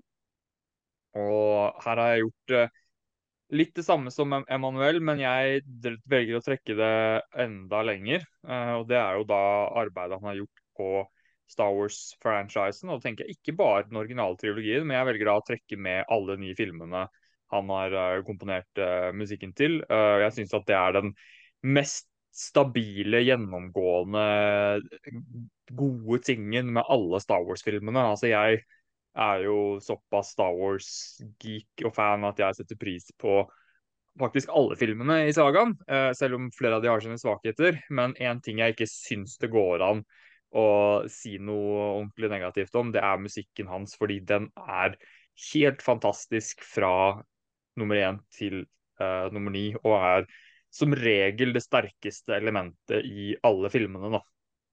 Og Det er mye man kan si om det. Jeg kan lage en egen spesialepisode bare om Star Wars-musikken. Det kommer jeg sikkert til å gjøre en annen gang. Men altså, har man sett Star Wars og man har hørt John Williams, så vet man jo hvor bra det er og veldig hvor variert det er. Så det er bare å sammenligne uh, Duel of the Fates, operamusikken han har til Star Wars episode 1 som var det første soundtracket som jeg virkelig blæsta ut av høyttaleranlegget i bilen uh, etter at jeg hadde kjøpt meg det på, på CD. og det, Da begynte den derre spesialinteressen uh, jeg fikk etter hvert for, for filmmusikk. Og helt opp til liksom mange av de mer roligere, klassiske temaene som man har i, i de gamle filmene. da, Selv om det er mye med energi der òg, så har du disse vakre altså hoved The Force Team og Leias team og sånn, som er et ganske stort sprik da, fra, fra det og, og, noen av de tingene som er i prequel-filmene, f.eks. Så utrolig stort uh, spekter av, uh, av, musikk. da, uh, Og du, Emanuel, som du hadde jo Star Wars selv, men du som har spilt mye musikk, du var inne på det i stad. hvor komplisert, avansert noe av den uh, musikken der er. Da. Og, og, da var du bare inne på fire til seks, men du har vel kanskje hørt noe av det som er i film 1, 2, 3 også. Selv om du kanskje ikke digger de ja. filmene, så er jo det det er ganske høyt nivå på, på, på mye av det, på, på, måten det er produsert på og sånn òg. Ja, det er jo det. Og som sagt, når jeg sa Star Wars, så sa jeg spesielt originaltrilogien. Men det er klart, eh, hele arbeidet til John Williams med Star Wars er jo fremragende. Og jeg har jo også fått spille noe av musikken fra, fra episode én. Så mm. det, det, er mye, det er mye John Williams sitt arbeid med, med Star Wars-musikken er, er, det ingenting å utsette på. Men jeg har spesielt forkjærlighet for den originale trilogien. For ja, noen av mine favorittmelodier er derfra. Ja, jeg tror det er mange som, eh, mange som har den. Jeg har har jo tilsvarende sterkt forhold til musikken i 1, 2, 3 fordi det var de jeg vokste opp med som barn. og det var, var som snakket episode 1 som gjorde at jeg virkelig ble interessert i filmmusikk. da. Eh, så, så det, spesielt den har jeg en ekstra forkjærlighet for. da. OK, da skal jeg ikke bruke mer tid på, på, Star Wars, fordi da bare forsvinner jeg inn og kommer meg ikke ut av den galaksen der. Så vi, vi lar den ligge der. Så skal eh, Emanuel få lov til å ta sin nummer to. Og nå er jeg spent. Ja, nei, altså vi skal jo tilbake til John Williams. Ja, for en overraskelse. Ja. og her uh, skal vi til noe du allerede har nevnt. Uh, men dette her var det første soundtracket jeg noen gang eide. Jeg elsker fortsatt å høre den musikken, så her vil jeg trekke frem John Williams sitt arbeid med Jurassic Park, som jeg setter da på min andreplass. Elsker den musikken, rett og slett nå gjør, nå, nå gjør, du det. Altså, ikke at det var vanskelig for meg å lage den lista her, men så skal jeg etterpå bestemme hvem av deres to lister jeg liker best nå. Herregud. Det her blir vanskeligere og vanskeligere for hver gang dere kommer. ja, har, du, har, du, lyst til å si noe mer om det, eller uh, sa jeg nok i stad? Jeg tror du fikk uh, dekka det meste. Det eneste jeg kan si, uh, det, det, det minner jeg husker jeg husker jeg hadde Jeg har den dessverre ikke lenger, og jeg vet ikke hvor den har blitt av. Men jeg husker på den tida der så var jo CD-singler en greie. Og mamma mm. hadde vært på tur i, i, England, og da hadde hun med seg en CD-singel til meg som besto av to av temaene fra Jurassic Park. Så jeg hadde jo den der og hørte på den musikken lenge før jeg hadde fått sett filmen på, på mm. Så, eh, og jeg har hørt mye på det, og jeg husker at uh, min bror hørte også på det der og satte pris på den musikken. Så nei, jeg har bare så mye varme minner rundt, rundt den musikken og den filmen at uh, for meg så var det helt naturlig at den skulle ha plass på denne lista og være på, på andreplass. Applaus for det. Applaus for det. Roy, du hadde ikke musikken fra Paradise på femteplass, og du kom med et godt argument for hvorfor du ikke kunne ha den med på lista i det hele tatt. Så da har du vel kanskje valgt eh, fra den derre andre Hva var det den het igjen, den filmen med, som handlet om noen eh, deler nedentil? One Night Det, det, det, ja. Nei, det, dessverre, altså. Det, den har heller ikke klart å komme seg på listen. Um, nå på andreplass skal vi til Hans Zimmer.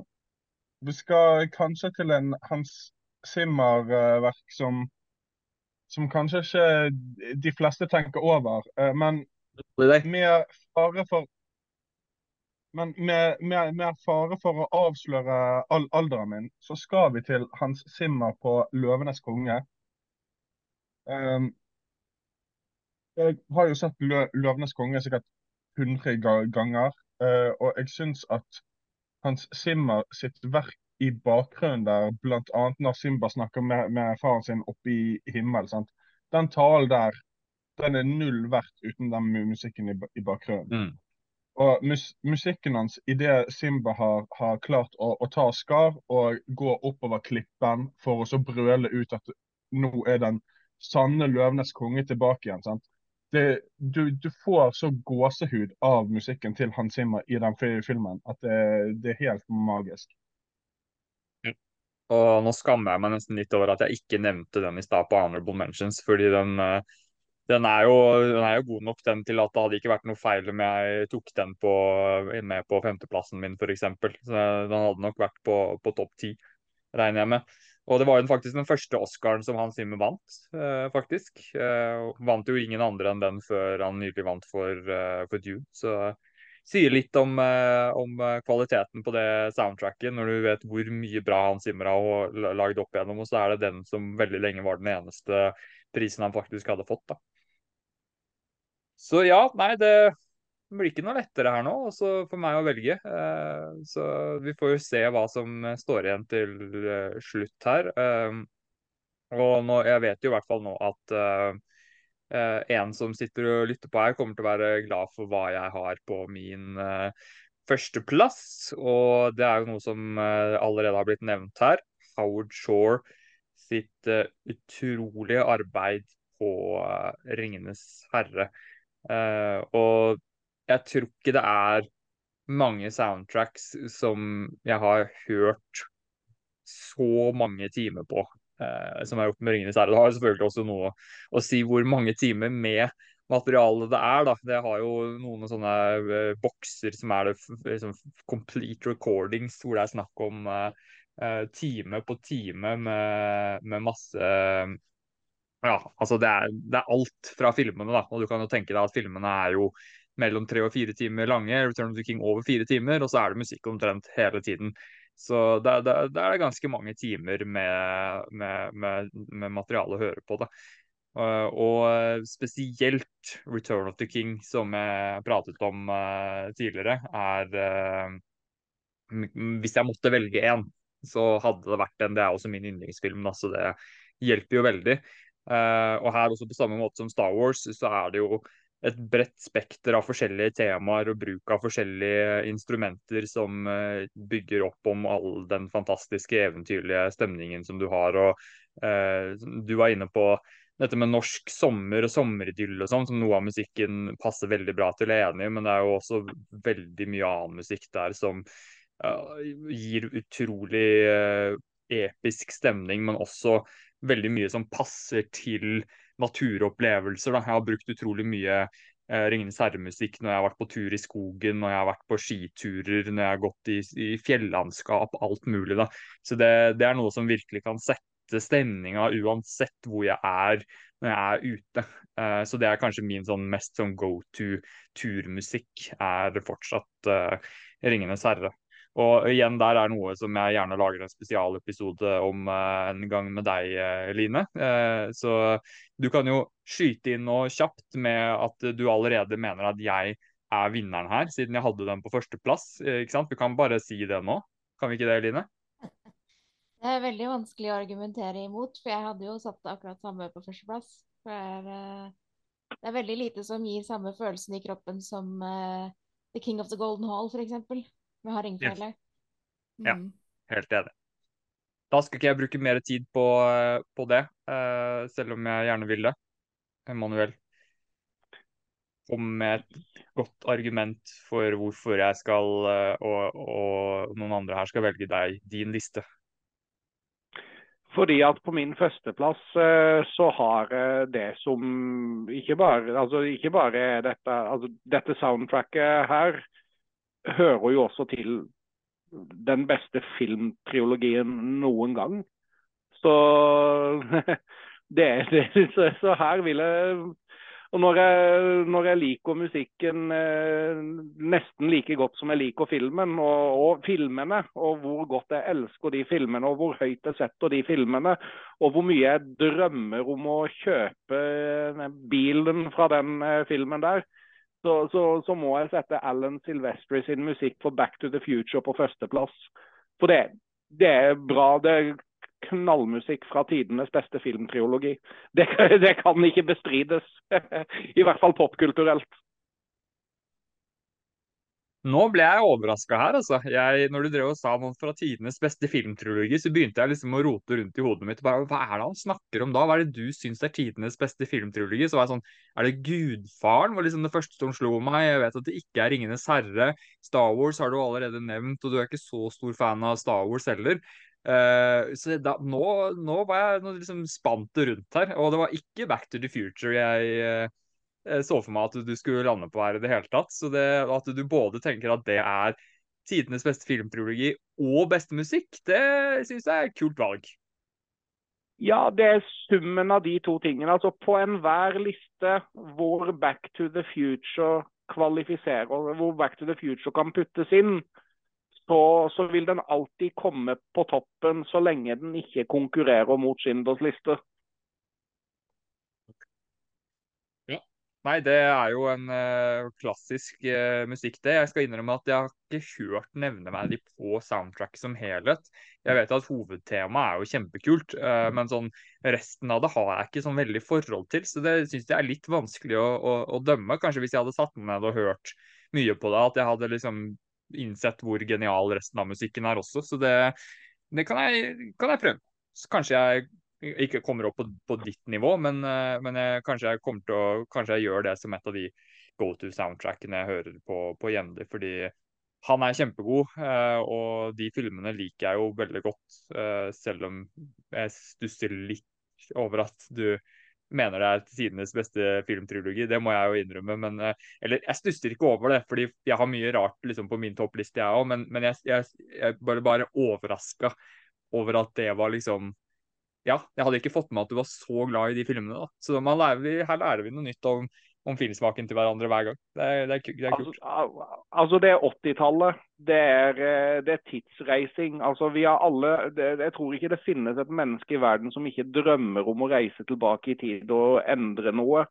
Den, eh, den filmen representerer, eller den serien representerer så mye, holdt jeg på å si. Selv om ser man på med 2023-øyne, så ser man jo logiske svikter og, og feil og sånn, men det driter jeg altså. Det, det, det, det jeg, blir, jeg, kan sette det på når som helst og kose meg like mye. Spesielt de to første.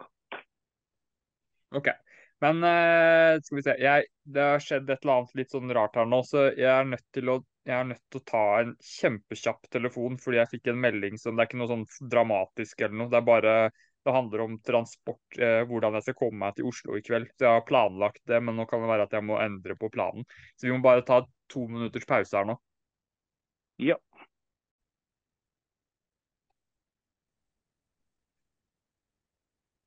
OK, Roy.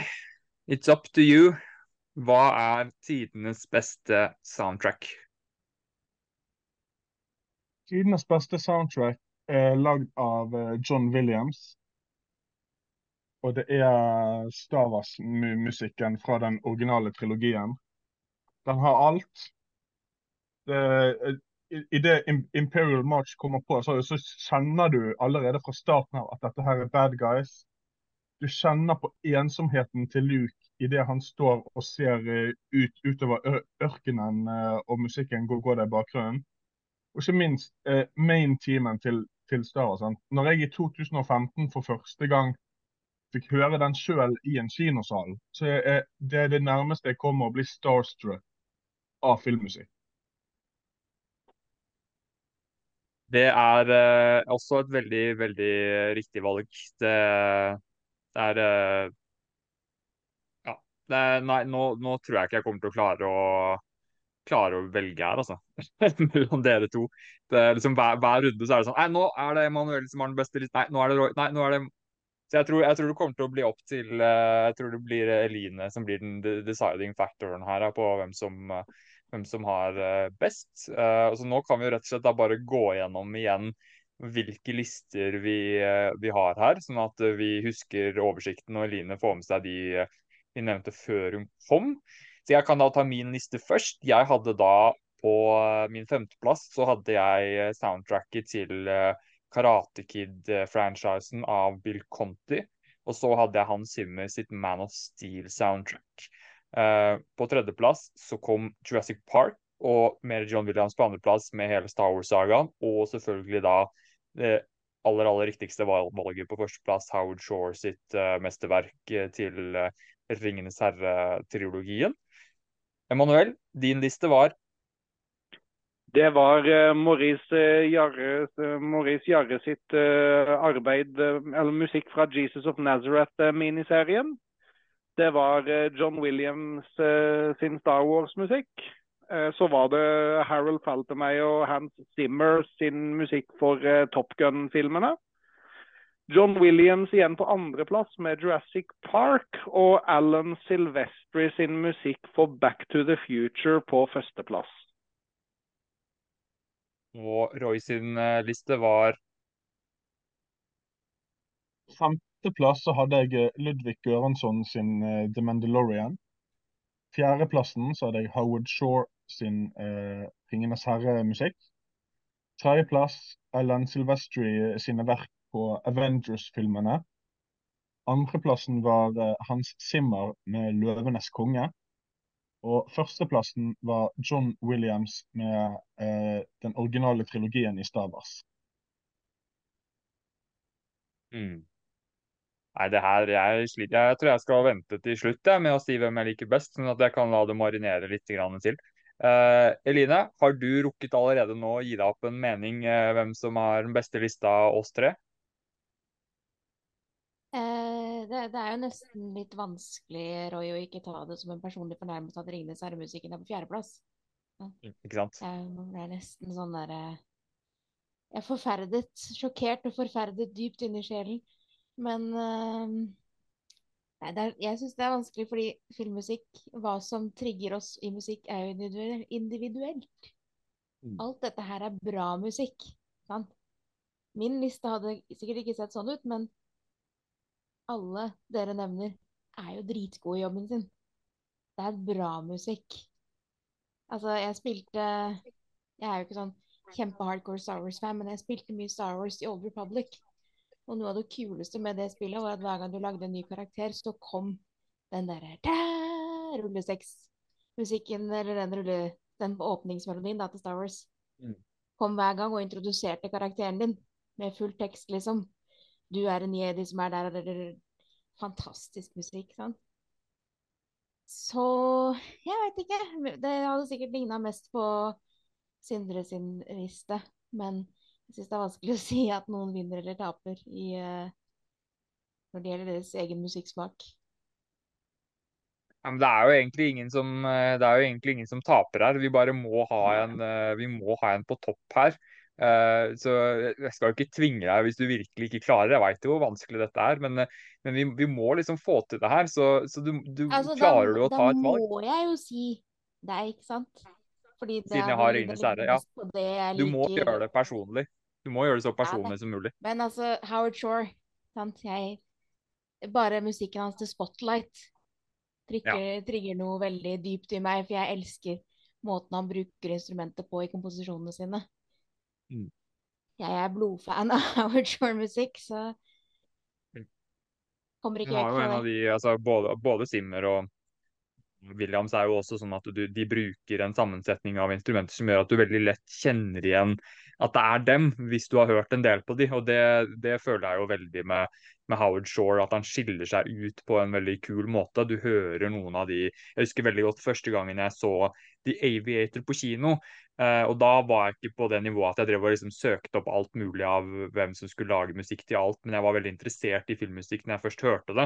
Uh, så når jeg da hørte de første tonene der, så var jeg sånn Oi, dette må jo være han som lagde musikken til 'Ringenes herre'. fordi da, hadde jo 'Return of the King' jeg hadde sett den på kino uh, ni ganger eller noe sånt, bare et halvt år eller et år før uh, The Aviator kom. Så da, da, var da jeg liksom skjønte at liksom Howard Shore, han er, han er den, nye, den nye kongen. Eller i hvert fall én av kongene, da, og var på det tidspunktet oppe på nivå med, med John Williams og, og Hans Zimmer for meg. har jeg ikke hørt så mye på han i senere tid, skal jeg innrømme, men, men, det burde jeg. Fordi jeg har aldri hørt noe av han som ikke er veldig, veldig bra.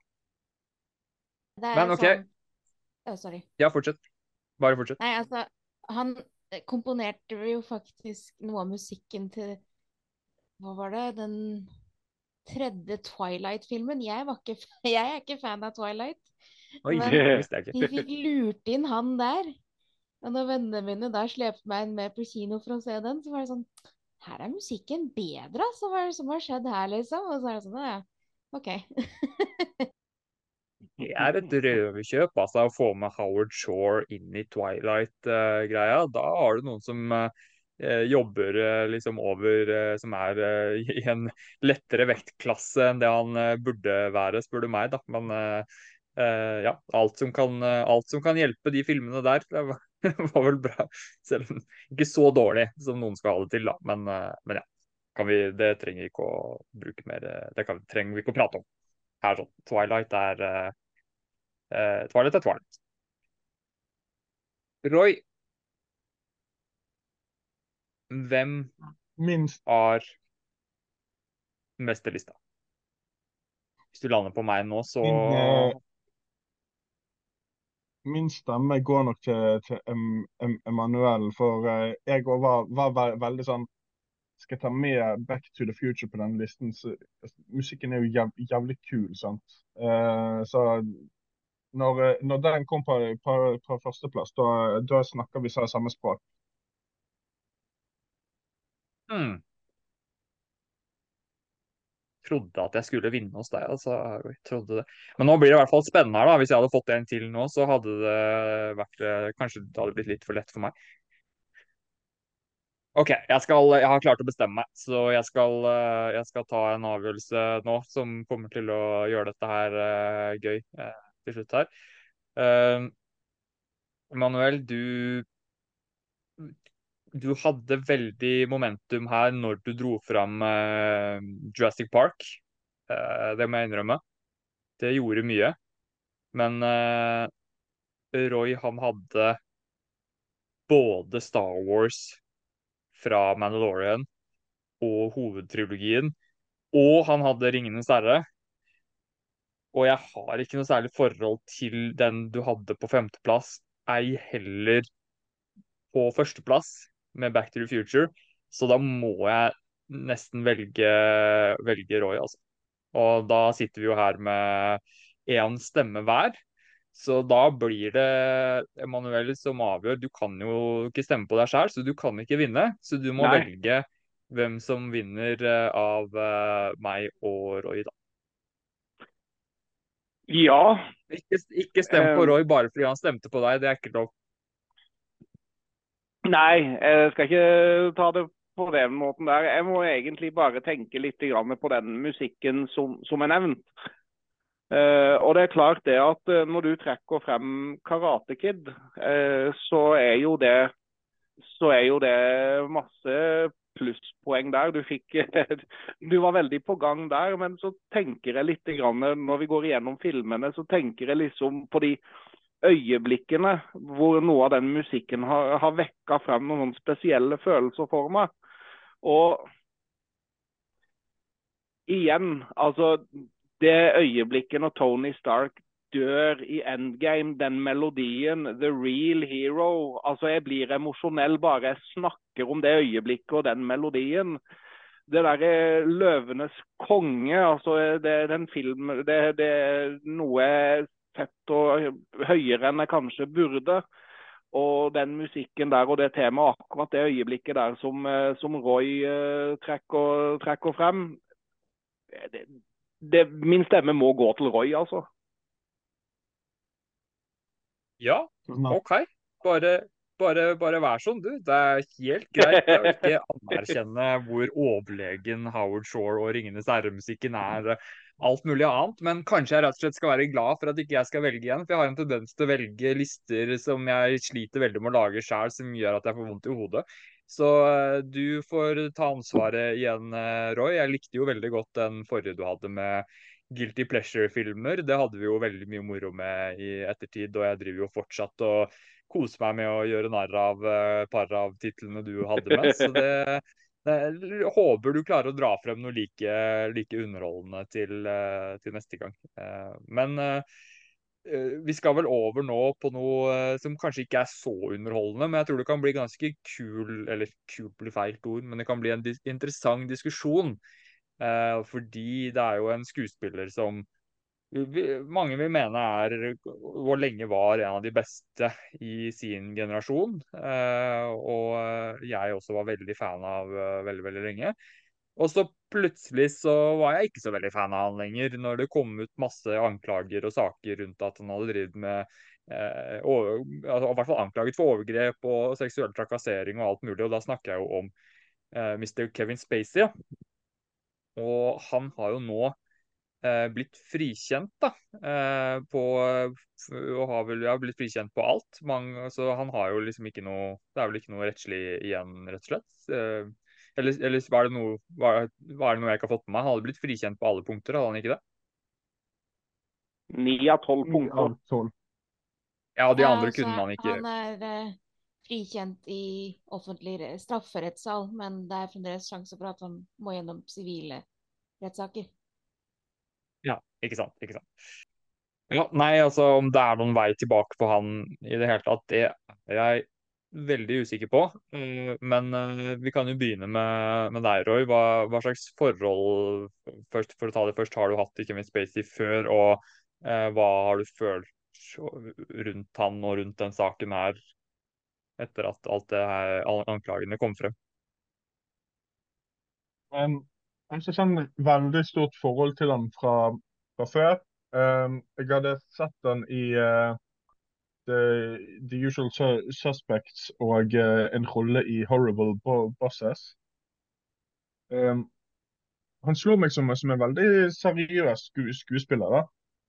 Uh, som jeg, jeg, jeg syns at han, han, han gjorde rollene sine bra, det han fikk å jobbe med. Jo, jeg, jeg så han vel også i en Supermann-film, hvis jeg ikke tar helt feil.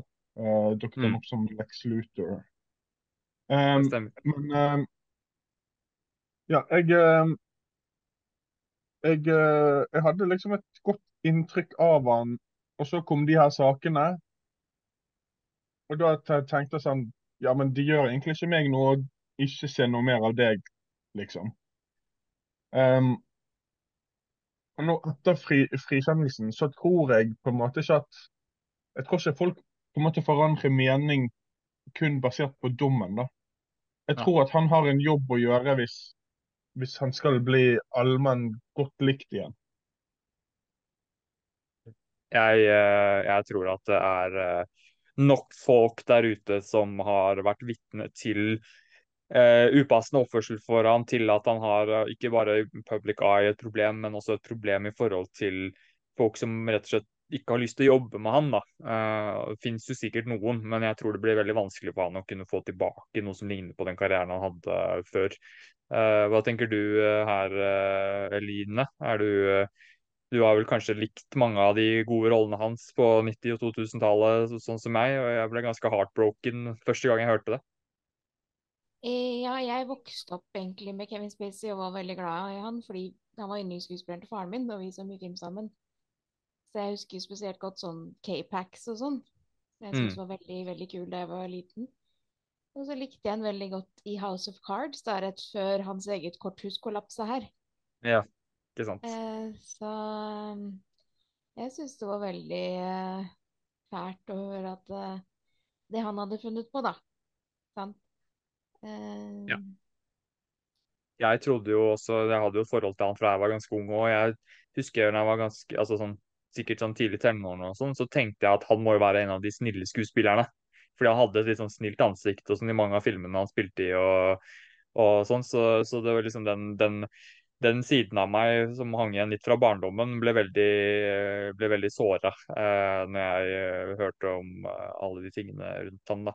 Så altså, man skal jo ikke vi skal jo ikke sitte her og si 100% sikkert at vi vet noe som helst, for det gjør vi jo ikke. Men jeg, jeg tenker jo at uh, når man hører så mange forskjellige historier fra så mange hold, fra personer som virker som de ikke har sånn enormt mye å nødvendigvis å tjene på å komme ut med at dette og dette skjedde for så og så mange år siden og sånn, uh, så uh, tror jeg veldig mye mer på at det er mye sannhet i det her enn at, at han er så uskyldig som han, det han prøver, prøver, å si selv da, i, eh, i disse rettssakene. Så eh, det er nok for meg vanskelig å kunne på noen måte få tilbake et lignende forhold til han som det jeg hadde tidligere. Eh, men det betyr ikke at jeg på noen måte liksom setter ned foten og sier nei, hvis Kevin Spacey er med i denne nye filmen, så kan jeg absolutt ikke se den. Det er, det er liksom ikke på det nivået.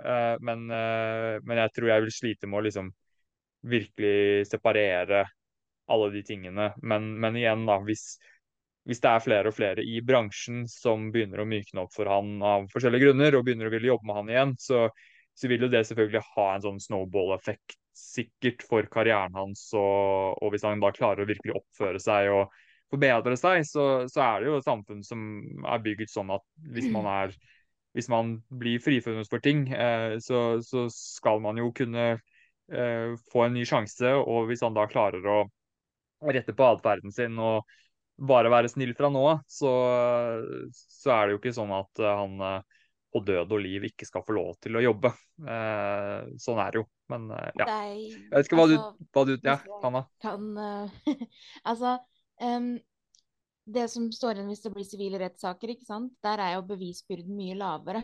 Så der er det mm. mye større sjanse for å bli dømt skyldig, men da får du jo en erstatningssak mot deg, da. Ikke sant? Eh, så det blir jo interessant å se om han vil da gå gjennom det, eller bare betale ut erstatning med en sånn, hva heter det, et forlik. Uten å måtte gå gjennom uh, rettsprosessen. Men jeg tenker jo også Nå er jo vi uh, Vi er jo nordmenn, da, og vi har jo en maksstraff framme på 21 år i Norge for ja. handlinger. Så jeg tenker jo litt sånn at hvis det viser at han har gjort noe gærent, så syns jo ikke jeg det nødvendigvis betyr at han skal få livslang straff. Nei, nei. Eh, men sånn utfrysning på sånn 10-15 år er sikkert helt på sin plass hvis han har gjort det han er anklaget for. Men nå har jeg også Altså, jeg var aktiv i offentlig i metoo-debatten, så jeg er jo ganske sånn delt her i utgangspunktet. Men jeg mener jo absolutt ikke at de som har eh, begått overgrep eller overtramp på den måten, fortjener verken dødsstraff eller livsstraff. Sant? Ja. Så hvis man viser anger og trekker seg tilbake x antall år, så burde det være mulighet for å komme tilbake. Kanskje ikke i like stor grad, men å få lov til å jobbe igjen og sånne ting. For det å sitte virkesløs resten av livet, det tjener jo ingen. Sant? Jeg tror ikke det er noen uh mindre sjanse for at han uh, fortsetter med dårlige vaner og oppførsel uh, om han uh, ikke har noe annet å ta seg til her i, her i verden, liksom. Så han, han vil jo forhåpentligvis i hvert fall da ha erfart at han kan ikke ha en karriere sånn som ting er nå. Så kan han ikke ha en karriere og holde på med den type upassende oppførsel. Det kunne man slippe unna med tidligere, men nå skal det veldig mye mer til før man kan eh, holde på sånn uten at noen uh, sier ifra eller legger merke til det. Emanuel, nå skal du få lov til å komme med din mening her. Ja, altså Om man får karrieren sin tilbake. Altså, Hvis vi ser tilbake på 90-tallet, så var det jo en ganske stor sak som jeg regner med det, de fleste av dere fikk med dere, med en kar som heter OJ Simpson. Mm. Eh, som det, ja, han ble jo frikjent. Men eh, han, på den tida der så var han jo skuespiller. Han ble frikjent, men vi så han jo ikke igjen. Eh, nå nylig så har Johnny Depp eh, blitt frikjent. Eh, Vi har jo ikke hørt noe om at det kommer noen sånne store, store Hollywood-prosjekter med han enda. Så jeg bare tenker, Men jeg er litt sånn der at jeg tenker det at det er ikke det at, og Dette her har ingenting med at jeg vil rettferdiggjøre noens handlinger. fordi at noe er han jo dømt for å ha gjort før, og noe har han erkjent, erklært seg skyldig i. Men når jeg ser på en film, så, så tenker jeg det at da, da, ser jeg på den karakteren, og så må jeg bare blokke ut hva, hva, de, hva, de, hva, de, er kjent for å ha gjort. For ellers, eh, fordi at jeg tror det at det er ganske mange gale ting ute og går blant Hollywood-skuespillerne som, som, vi ikke vet om. Mm. Så, så, så, så, jeg er litt sånn det, det, er litt, det, er litt, igjen sånn som det her Ezra Miller-greiene og, og, the, og, the, Flash, holdt jeg på å si. Det, det, falt seg ikke naturlig for meg å, å ta og boikotte filmen bare pga. hans sine handlinger. og men nå er jo ikke, jeg er jo ikke noen superfan av Kevin Spacey. Jeg synes han uh, har gjort uh, noen gode roller. Men uh, kommer han med en film som jeg er interessert i å se, så, så, ser jeg den til tross for at han spiller i den, holdt jeg på å si. Men jeg, jeg kan ikke tro at noen bare får karrieren sin tilbake sånn når det har vært så mye kontroverser. Det har vi allerede sett. Johnny Depp han har ikke blitt kasta i noe, noe stort enda. Var i den Nei. Eh, filmen om hun eh, franske elskerinnen til Louis 5. da, nylig. Ja, men det er ikke en Hollywood-film. Nei, det er sant. Frank, franskmenn er litt flinkere til å tilgi enn eh, amerikanere. ja, men vi er flinke til å tilgi her i Norge også, uh, uten, at vi, uten, at jeg skal ta og trekke frem noe som er veldig til, til sak og, og, sånn. Og det har jo ingenting med underholdningsbransjen å gjøre. Men det er en ganske kjent norsk person som akkurat har blitt frikjent for noe. Og så glemmer man at noe har han jo faktisk gjort som er noe helt annet, men det later vi som at det ikke har skjedd. Ja, men Vi, vi har foreløpig ikke gjemt noen Woody Allens her, da. Nei. Det har vi ikke. Eh, og så bare Altså, OJ Simpson ble jo Det var jo mord, så det er litt sånn ja. Litt vanskelig sammenligning, syns jeg. Men han ble jo faktisk dømt skyldig i sivilrettssak. Ja. Så det har nok noe å si, det òg. Ja, det har det. Du nevnte Johnny Depp der. Jeg tenker jo også at eh, han har jo kommet veldig godt ut av den rettssaken eh, i forhold til image. Han kom i hvert fall bedre ut av saken enn han gikk inn i saken. Jeg var jo eh, veldig negativ til eh, altså Johnny Depp sin side av den saken før rettssaken. Og så var det jo ikke sånn at jeg tenkte at han var kjempe, bare kjempesnill og ikke hadde gjort noe gærent etter rettssaken heller. Men, men, jeg fikk i hvert fall et annet inntrykk etter det, og det tror jeg mange andre gjorde også. Så jeg tror at han av alle de vi nevnte nå, er den som er nærmest å kunne få tilbake en litt ordentlig karriere, selv om jeg tror de store studiene vil være veldig forsiktige med å bruke navnet hans som noe som skal promotere en stor film. Og det tror jeg i hvert fall ikke de er interessert i å gjøre med Kevin Spacey. Nei. Men det betyr ikke at han ikke kan ha en rolle i en god film, eh, eh, og at det liksom kan være noe man kan slippe unna med uten for mye kontrovers, men, men de vil aldri tørre å promotere han som ansiktet på en film med noe stort budsjett som skal ha mye markedsføring og, og sånne ting. Eh, det vil jo være noe som kan jage bort publikum og gjøre at en film er rett og slett bare er mindre aktuell både for publikum, kritikere og akademier generelt når det gjelder priser og alt sånt. Så jeg tror det blir veldig lenge til noen tør å ta i han eh, som en seriøs aktør i en god, god, ordentlig eh, film produsert i Hollywood. Det blir mer sånne rare små prosjekter og litt sånn eh, ting på siden fra folk som ikke er ordentlig etablert i, i systemet, som han kan bli med på enn så lenge, tror jeg. Uh, og Når det gjelder Johnny Depp, så tenker jeg at han, han kan gjerne komme til Norge. De som er gode til å tilgi og sånn, kan han komme hit og så kan han spille uh, Sabeltann. Hvis vi lager en sånn ordentlig live action-versjon eh, av Sabeltann, siden han ikke kan være Jack Sparrow lenger. Det, det hadde vært gøy. Roy har holdt opp uh, hånda en stund, da. Ja. jeg eh, bare tenkte i forhold til Johnny Depp-saken, eh, så vil jeg også bare nevne at den franske filmen ble jo vist eh, på Cannes-festival, hvor han i ettertid fikk en syv minutters eh, stående applaus. Eh, Mm. sånn at jeg bare tenker, jeg bare tenker at eh, det er kanskje ikke bare oss nordmenn som er som er så, så raske med, med, med. Jeg, jeg tror verden sakte, men sikkert kommer etter i, i, i hans sak. Ja, jeg tror i hvert fall det er mye kortere vei, som jeg nevnte, for han enn Det var jo For også Kevin veldig Spacey. tydelig at uh, Sorry. Ja, det går bra. der var Fortsett. jo rettssaken rettssaken mellom Amber Heard og Johnny Depp var jo eh, sendt på TV, stort sett. Ja, ja. Og det var jo hun som sto fram som rablende gæren og hadde gjort det absolutt rareste i det forholdet. Og hun prøvde også å skylde det på en sykdom som faktisk veldig mange har. Mm. Eh, inkludert meg selv. Så det ble litt sånn Ja, jeg vet du hva, jeg skjønner at det kan være vanskelig, men jeg har fortsatt ikke gått og driti på puta til gubben, liksom. Ja, nei, da blir det sånn. Det er, det er jo øh, som Vi var jo ikke der. Og, og for alt vi vet, så kan det godt være at øh, Johnny Depp har uh, gjort veldig dumme ting og, og vært, liksom, vært aggressiv, vært voldelig og alt mulig. Men der var det åpenbart at det ikke var én person som var veldig slem og én som var veldig snill på noen som helst måte. Det var et veldig destruktivt forhold. Og det inntrykket jeg fikk, var at Johnny Depp eh, han slet med veldig mange ting, og det virket som at han prøvde å distansere seg fra, fra ting når det ble vanskelig, mens hun var langt mer konfronterende. Og om det kanskje kan ha ført til en respons fra han som var langt over grensa, det kan jo godt være, men det var jo det ble jo aldri bevist.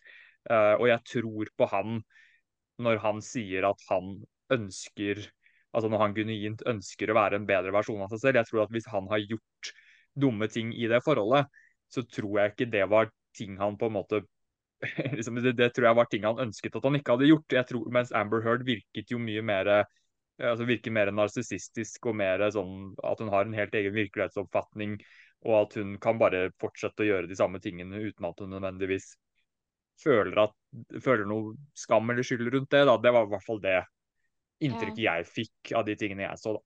Og så var det jo egentlig en veldig viktig rettssak å, stå fram offentlig, fordi det ble et sånt godt eksempel på at mishandling faktisk kan gå to veier. Det er liksom Absolutt. ikke sånn at bare menn mishandler kvinner. Kvinner mishandler også menn. Ikke sant? Mm. Og det er jo ikke tvil om at hun hadde mishandla han til en viss grad. Og han Absolutt. var jo inne i narkotikaverden og alkoholverden, så da har man jo ikke alltid de beste handlingsmønstrene når man blir konfrontert med f.eks. mishandling. Sant? Så da kan jo han ha gjort mye gærent tilbake. Mm. Men uh, jeg, jeg, i utgang, eller til syvende og sist en offentlig rettssak med en stor mannlig skikkelse som snakker om at han har vært utsatt for mishandling, tror Mm. jeg har gjort mye bra, samtidig som det har vært mye gærent oppi det. Absolutt. Jeg blir ikke sjokkert hvis uh, den filmen kommer på et eller annet tidspunkt. Om hele Mm. den saken og hele det forholdet der. Det kan bli en bra dramafilm, tror jeg.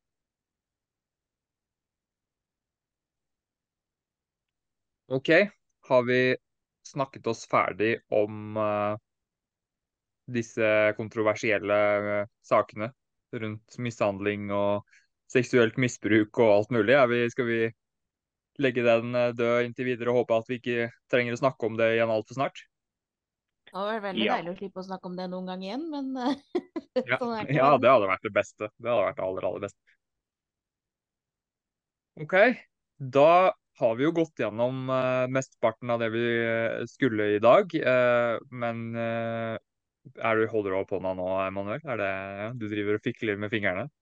Ja, jeg bare, jeg bare kom til å tenke på det at det er jo noen som har hatt ønske om at eh, Outlander skal eh, dekkes. Det stemmer. Det var bra du Ja. sa, fordi det hadde jeg helt glemt. Eh, og det er jo da fordi vi har jo, som jeg nevnte ganske tidligere i episoden, så har vi jo oppretta en Patrion-side for de som eventuelt har lyst til å støtte oss. Eh, hvor vi da har laget flere nivåer, tre nivåer, da, og, du får visse fordeler ut fra de forskjellige nivåene. Og på de to høyeste nivåene så har du ganske stor mulighet til å påvirke innhold vi lager, og du kan velge ut både filmer, TV-serier vi kan anmelde, Og på det øverste nivået så kan du også velge en hel franchise, altså filmserie eller TV-serie som fortsatt pågår, som du kan si at vi skal dekke.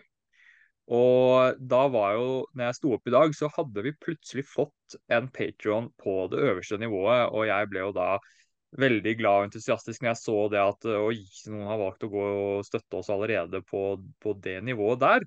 Uh, og så tenkte jeg jo fort sånn, vent nå litt, det er litt for godt til å være sant at det er en tilfeldig fan som har gjort dette. Så jeg begynte å tenke kjapt ok, hvem er det jeg kjenner godt eller som er nærmest meg som kan ha valgt allerede å gjøre dette.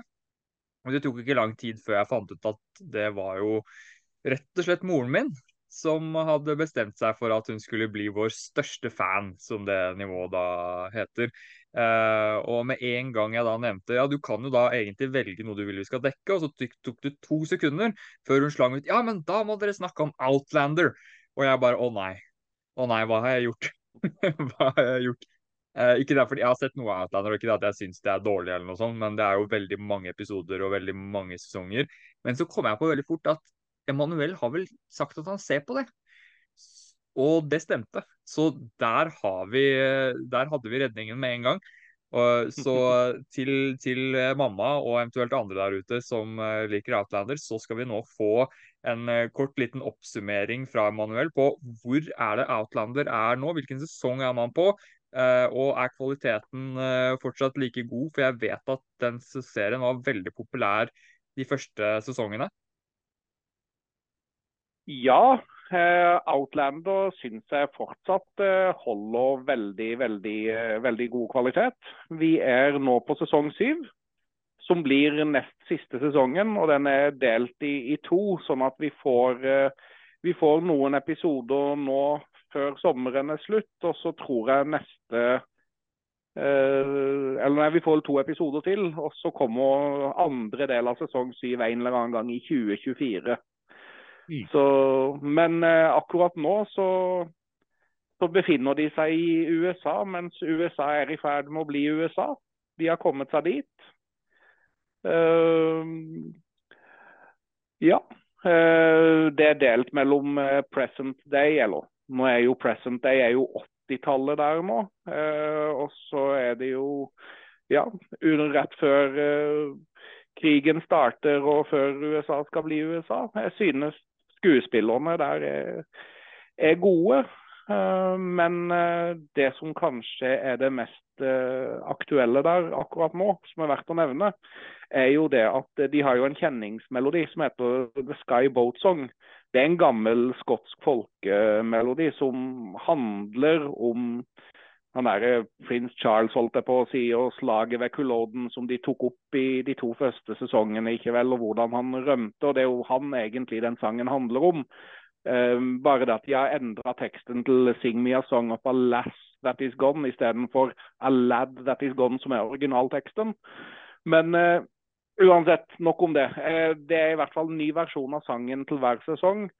Og i år så er det jo da Sinead O'Connor som synger den. Uh, og det er jo litt spesielt med tanke på at, uh, at hun gikk bort i går. En stor artist, egentlig, som kanskje kan ha vært litt provoserende, men hun rakk i hvert fall kanskje å gi oss den fineste versjonen av The Sky Boat Song i, i Outlander før hun gikk bort. da. Mm. Ja, nei, det var en uh, fin, uh, fin, mention til en uh, artist som, som, gikk bort, ja.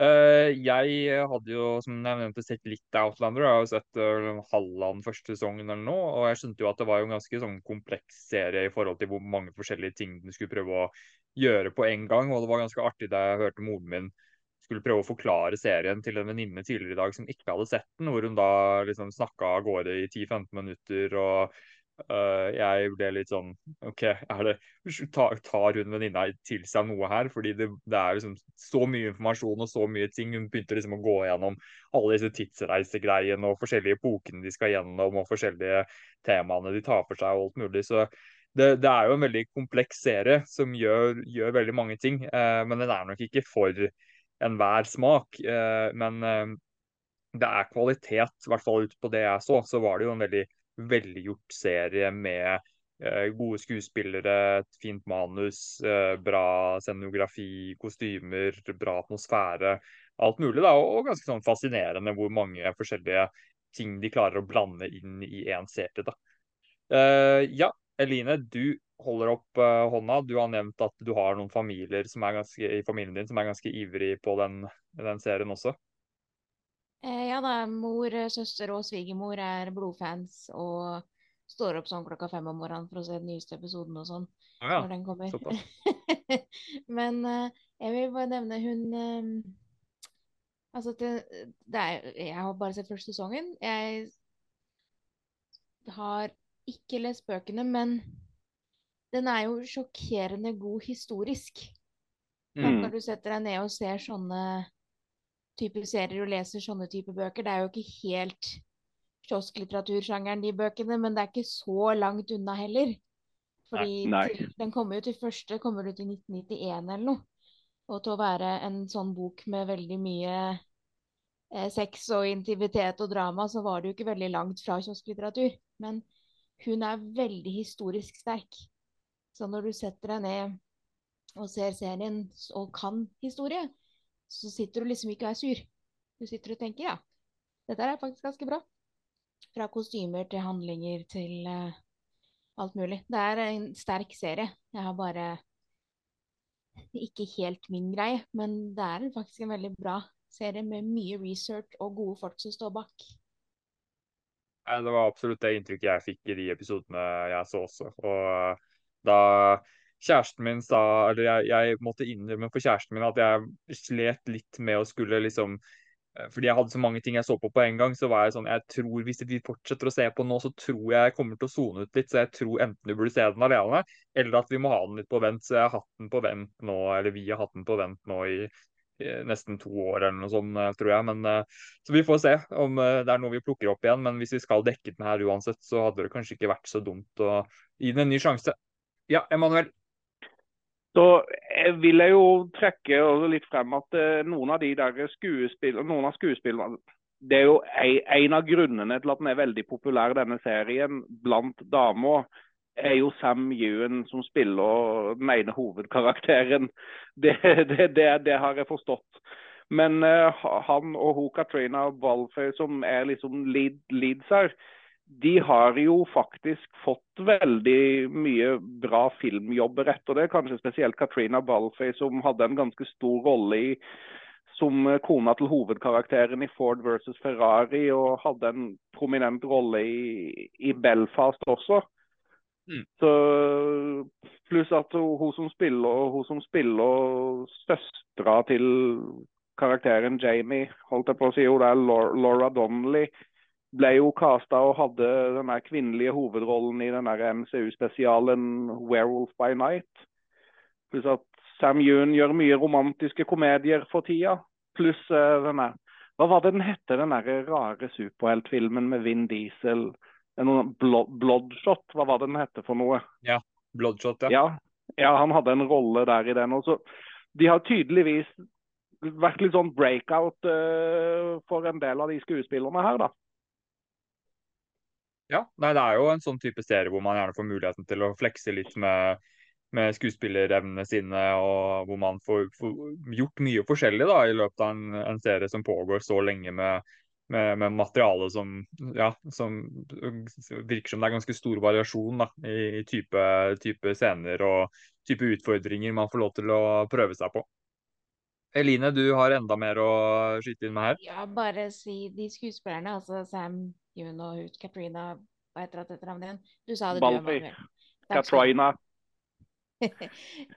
Kjemien mellom dem er jo helt vill.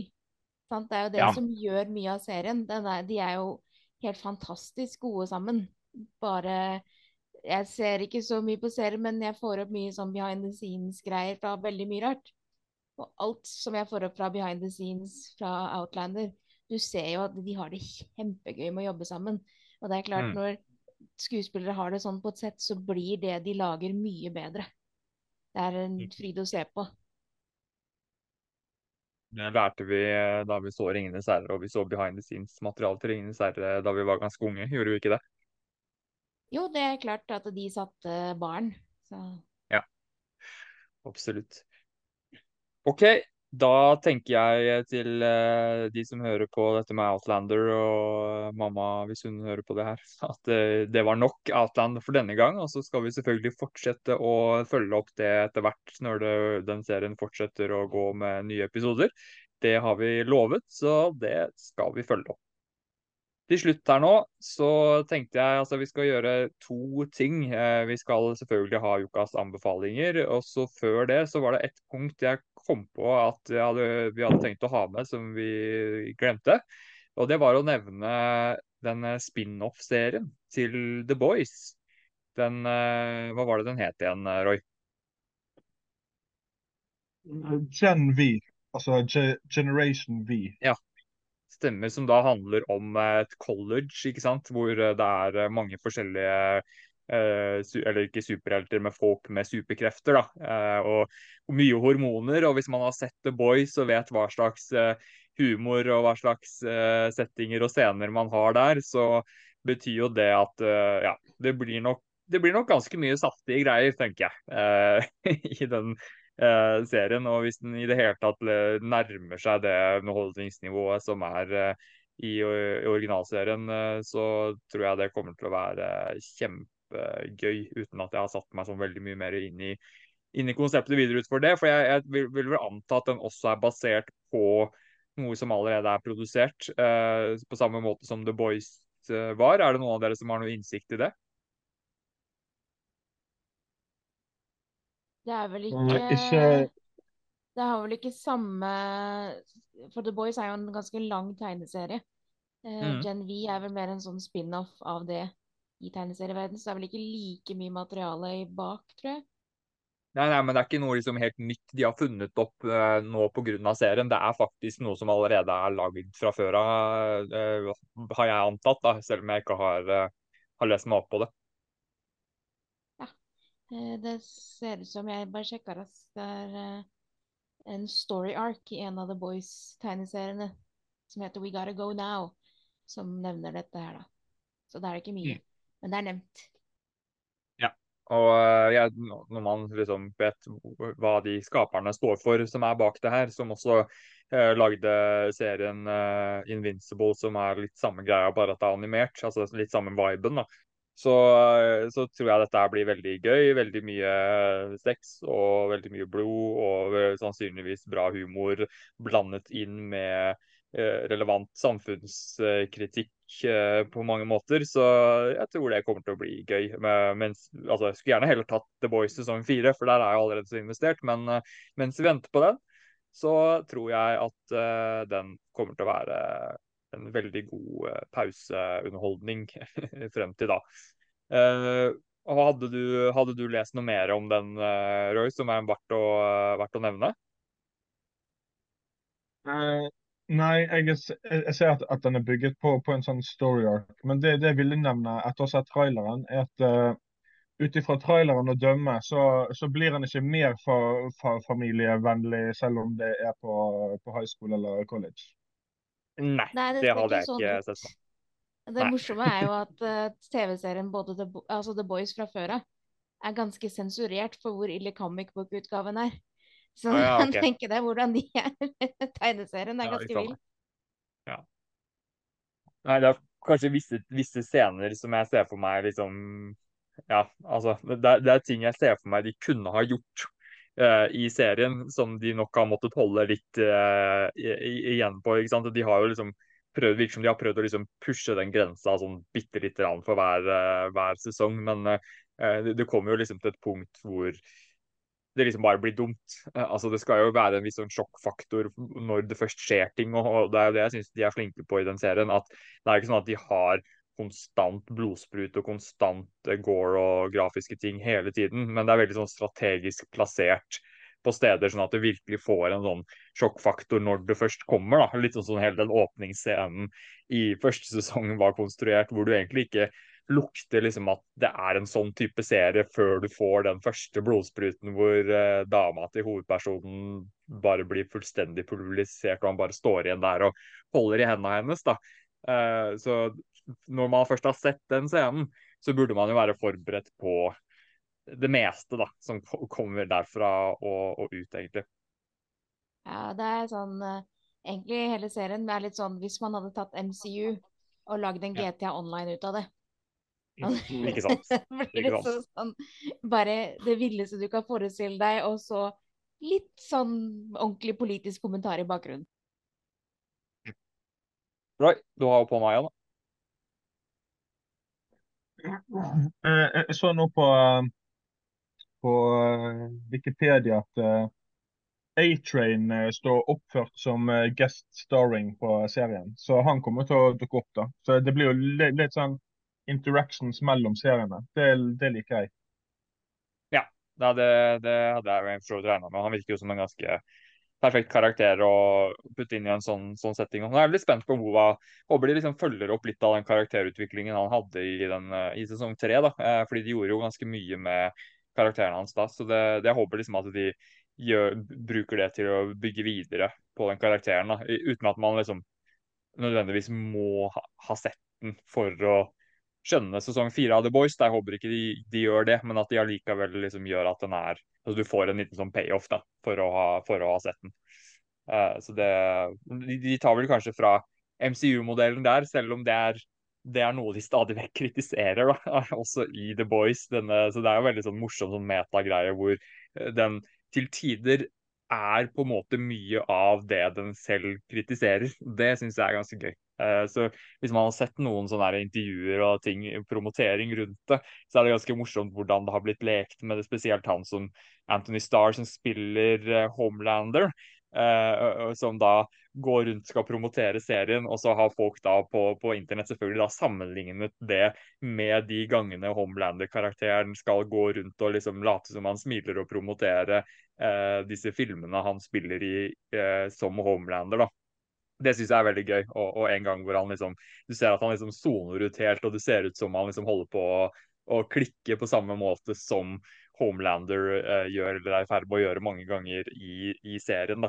Og Det var jo noe Anthony Starr lekte veldig med selv, og selvfølgelig brukte for alt det er verdt til å promotere videre. da. Så det er jo ganske gøy hvordan en lykkes med en sånn veldig sånn metating med å da rett og slett bare være være mye av det den selv kritiserer, men så er det jo kult at den kritiserer det. og liksom, ja, Det, det blir en veldig sånn veldig morsom suppe av av mange forskjellige ting på en gang som eh, rett og slett bare er utrolig artig. Så kan man jo selvfølgelig si at det er litt kynisk og litt sånn, ja, litt teit også. Men eh, jeg koser meg i hvert fall med det, og jeg gleder meg veldig til, eh, til vi får mer fra det universet der.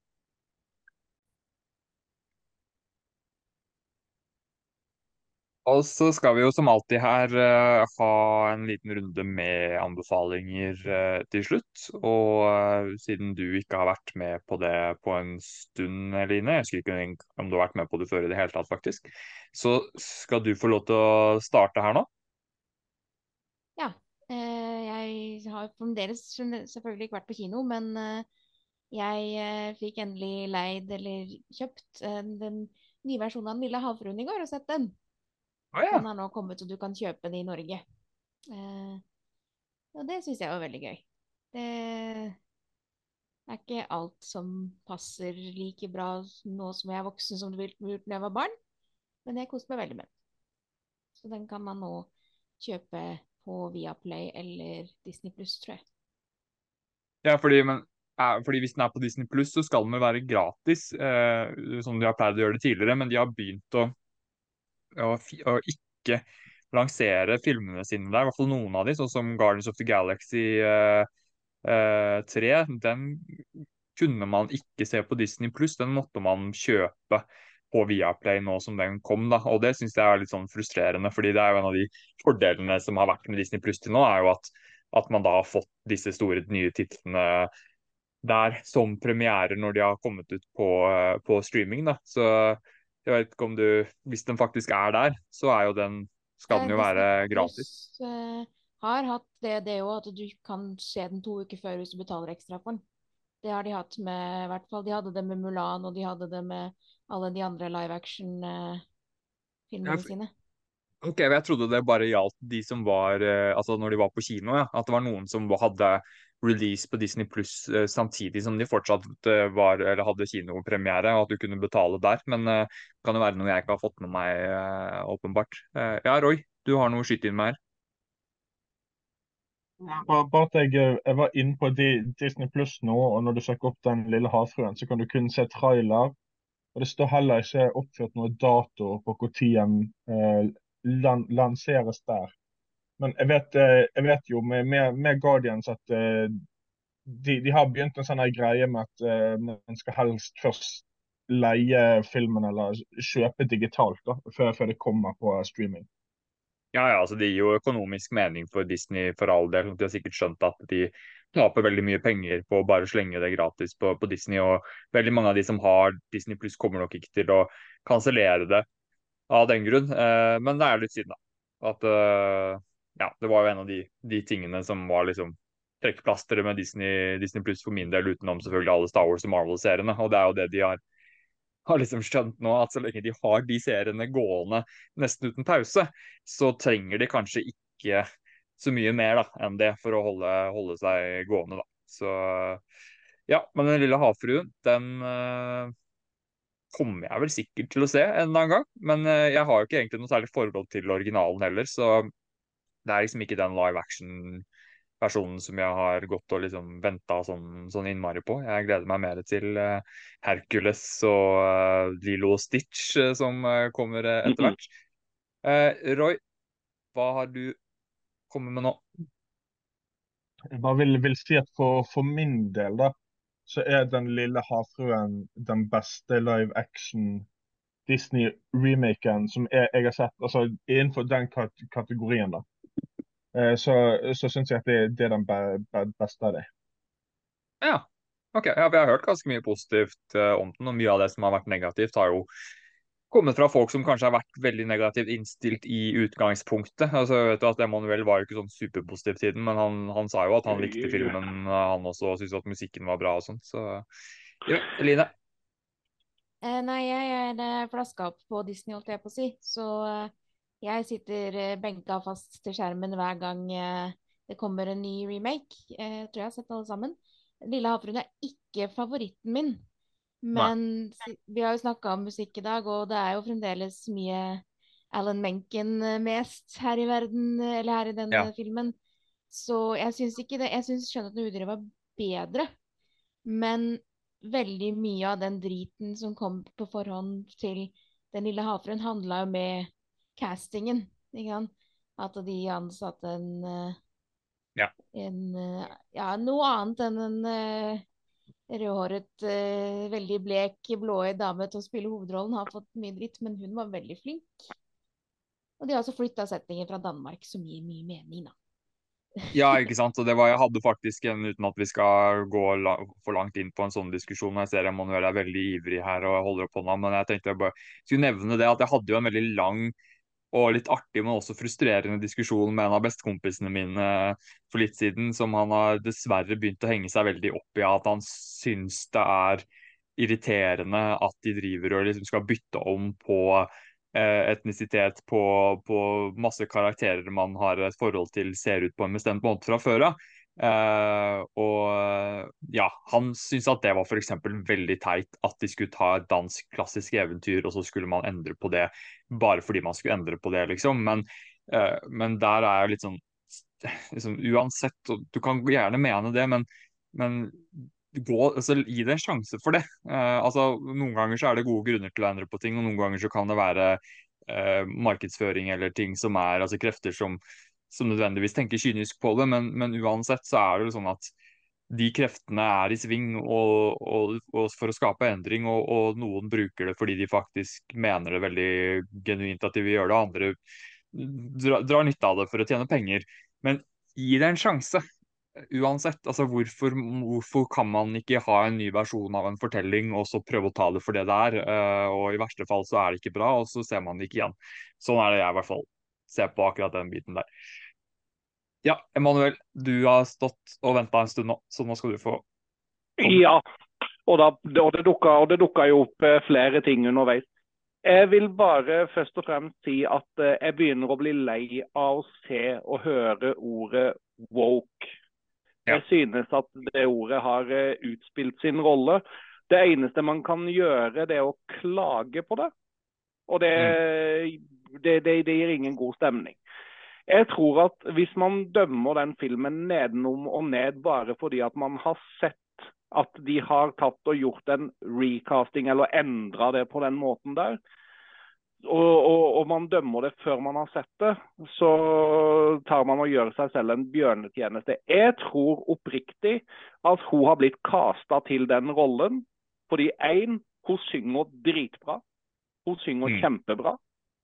Og hun spiller Ariel så keitete som jeg mener at hun bør spilles, så hun nailer den rollen. Så de feilene den filmen måtte, være, måtte ha, skyldes ikke den castinga i det hele tatt. Når det er sagt Jeg klarer ikke å gå igjennom en dag uten å høre på Scuttlebutt på, på Spotify.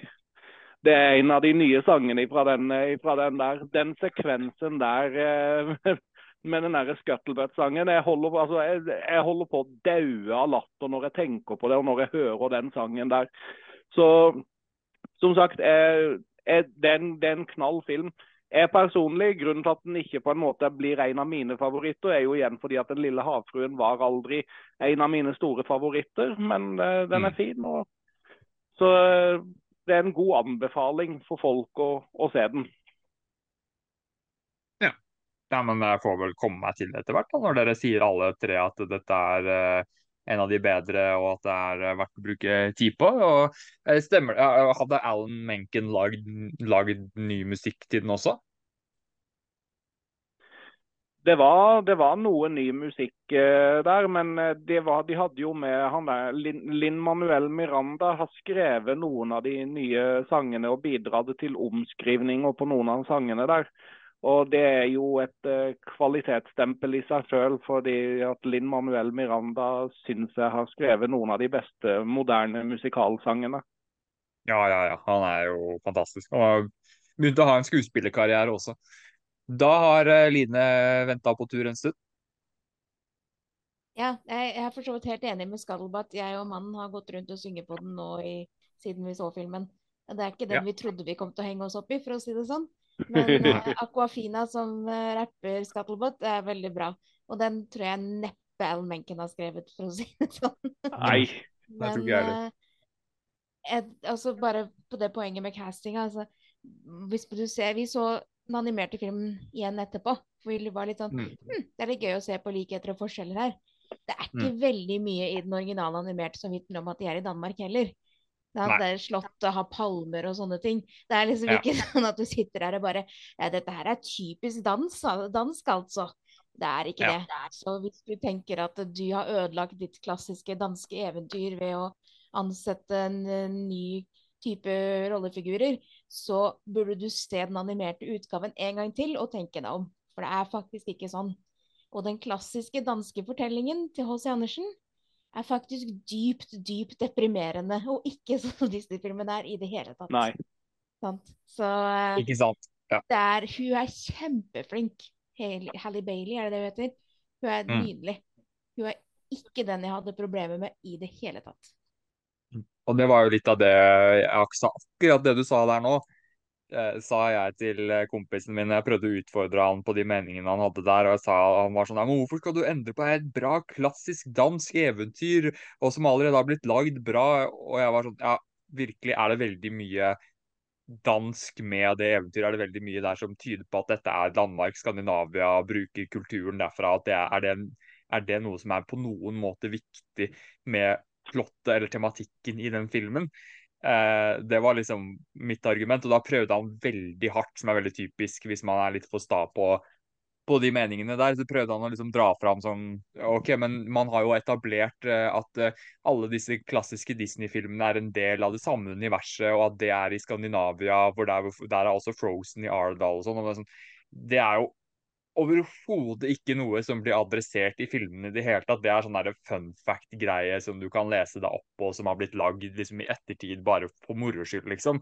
Og bruke det som argument. Liksom. Jeg er veldig glad i han kompisen min, altså, men det der blir eh, det, det, da, da, graver du veldig hardt for å prøve å finne argumenter for hvorfor du syns det er irriterende at de har gjort akkurat den tingen. Så det, det er noe jeg tenker at man, man, må bare, man må bare slutte å henge seg så innmari mye opp i det der. fordi studioer og, og filmskapere og sånn, de gjør ting, de endrer på ting hele tida, men for, på grunn, sånn som jeg ser det hvert fall, på grunn av at dette med eh, rase og etnisitet og, og politiske ting knytta til det, og, og, sosiale endringer og sånn, som har blitt veldig betent, og som er veldig mye diskutert, som er i mediene hele tiden, og sosiale medier spesielt. Eh, så blir dette noe veldig mange tenker på, mye mer enn man kanskje burde. Og så, og så er man så innmari bevisst på det. Eh, mens andre ting som man endrer på i vel så stor grad, som eh, kan være liksom utseende eller fysikk eller tematikk eller hva for noe med historier, som studier alltid gjør, det er liksom ikke noe man bryr seg om, eller det henger man seg ikke opp i eller irriterer seg ikke over. Men akkurat dette med etnisitet og rase, det, det skal man liksom henge seg veldig opp i. Og det skjønner jeg ikke helt hvorfor man gidder, rett og slett. Nå har eh, Roy eh, holdt opp eh, igjen en stund her. Ja, bare, bare sånn i, i, forhold til, til at uh, Det her med hvor han kommer fra og sånn. Uh, dette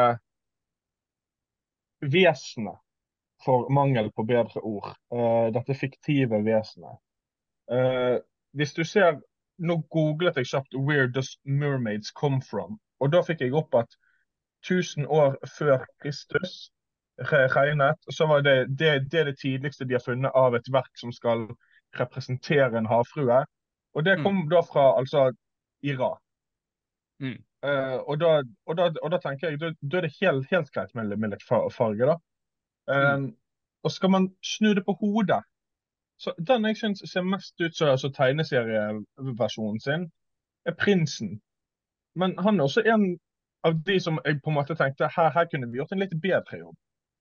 Mm. Sånn at du, du, må liksom ikke la utseendet gå over kvalitet.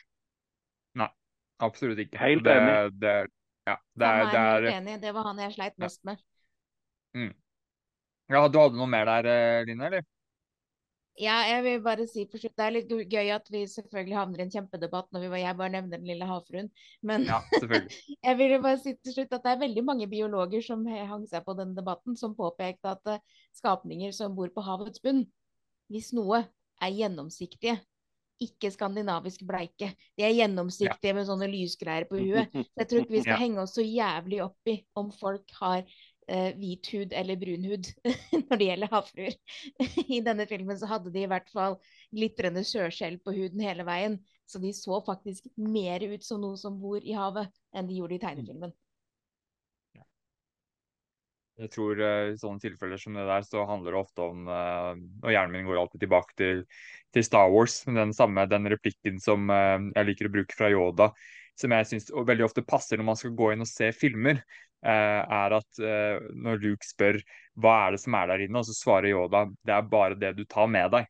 Og det tror jeg dessverre det er veldig mange som tar med seg veldig mye bagasje eh, rundt ting når de skal gå og se filmer i dag. Både når det gjelder ting behind the scenes og sånne politiske ting eller, eller sosiale ting, eller, eller, veldig mye ting som handler om eh, teorier og ting som de vil skal skje eller ikke skal skje rundt filmer. da. Og det er jo veldig mange fordeler med at man har sosiale medier i dag. og Ellers så hadde jo ikke jeg sittet her med dere og, og prata om film, og det er veldig mye kult med det. Men jeg tror det er en av de store ulempene. At det er, det er blitt mye vanskeligere å på en måte legge fra seg all den informasjonen man tar til seg om alt mulig, når man skal bare sette seg ned og leve seg inn i et univers eller leve seg inn i en fortelling. Eh, og da, da, blir det vanskeligere og vanskeligere å bare gi de som skal fortelle den historien, den sjansen de kanskje fortjener da, til å fortelle eller formidle det de ønsker å formidle. Så Det, det er en sånn mentalitet jeg har jobba veldig med med meg selv de siste årene. Jeg merka spesielt rundt Star Wars at jeg begynte å henge meg for mye opp i eh, ting som ikke hadde noe med plott i filmene å gjøre i det hele tatt. Og jeg innså at ok, det kommer bare til å være destruktivt for min egen evne til å, å faktisk klare å nyte filmene og, og seriene. Da. Så jeg tror det, Hvis man har lyst til å bruke tid på film og, og, serier og faktisk få noe ut av det, så tror jeg det er viktig å være litt bevisst på, på, hvor mye man henger seg opp i, i sånne ting. Som OK, da snakket vi veldig lenge pga. den lille havfruen. Og det er jo gøy da at man eh, bryter ut sånn. Jeg hadde jo sett for meg at vi skulle avslutte i løpet av fem minutter her, men eh, da tenker jeg at eh, Emanuel skal få lov til å komme med sin eh, anbefaling. Ja, eh, jeg tenkte det. Siden jeg skal på førpremiere av en australsk film eh, til eh, tirsdag, eh, den nye A24-skrekkfilmen 'Talk to Me', så tenkte jeg måtte finne frem noe fra, fra Australia å anbefale. Mm. Uh, og der er det en det, det, Jeg vil kalle det en tidskapsel fra 80-tallet.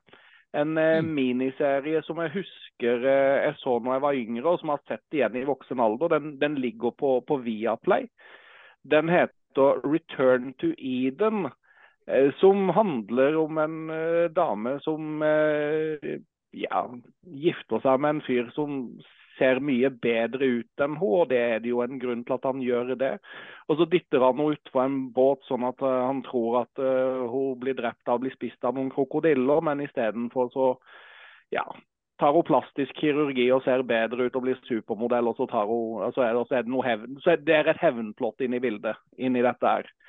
Uh, en ja, en tidskapsel fra 80-tallet som jeg synes er litt undervurdert. Men eh, legg merke til at det er en den ligger inne med to sesonger. Det kom en sånn oppfølgerserie mange år senere. Den er ikke verdt å sjekke ut, for det, er mer, det, det går en helt annen retning. Da prøver de å lage Australia sin versjon på Dynastiet og Dallas og Falcon Crest og det der. Det, det er ikke noe særlig. Men sesong én av Return to Eden verdt å sjekke ut.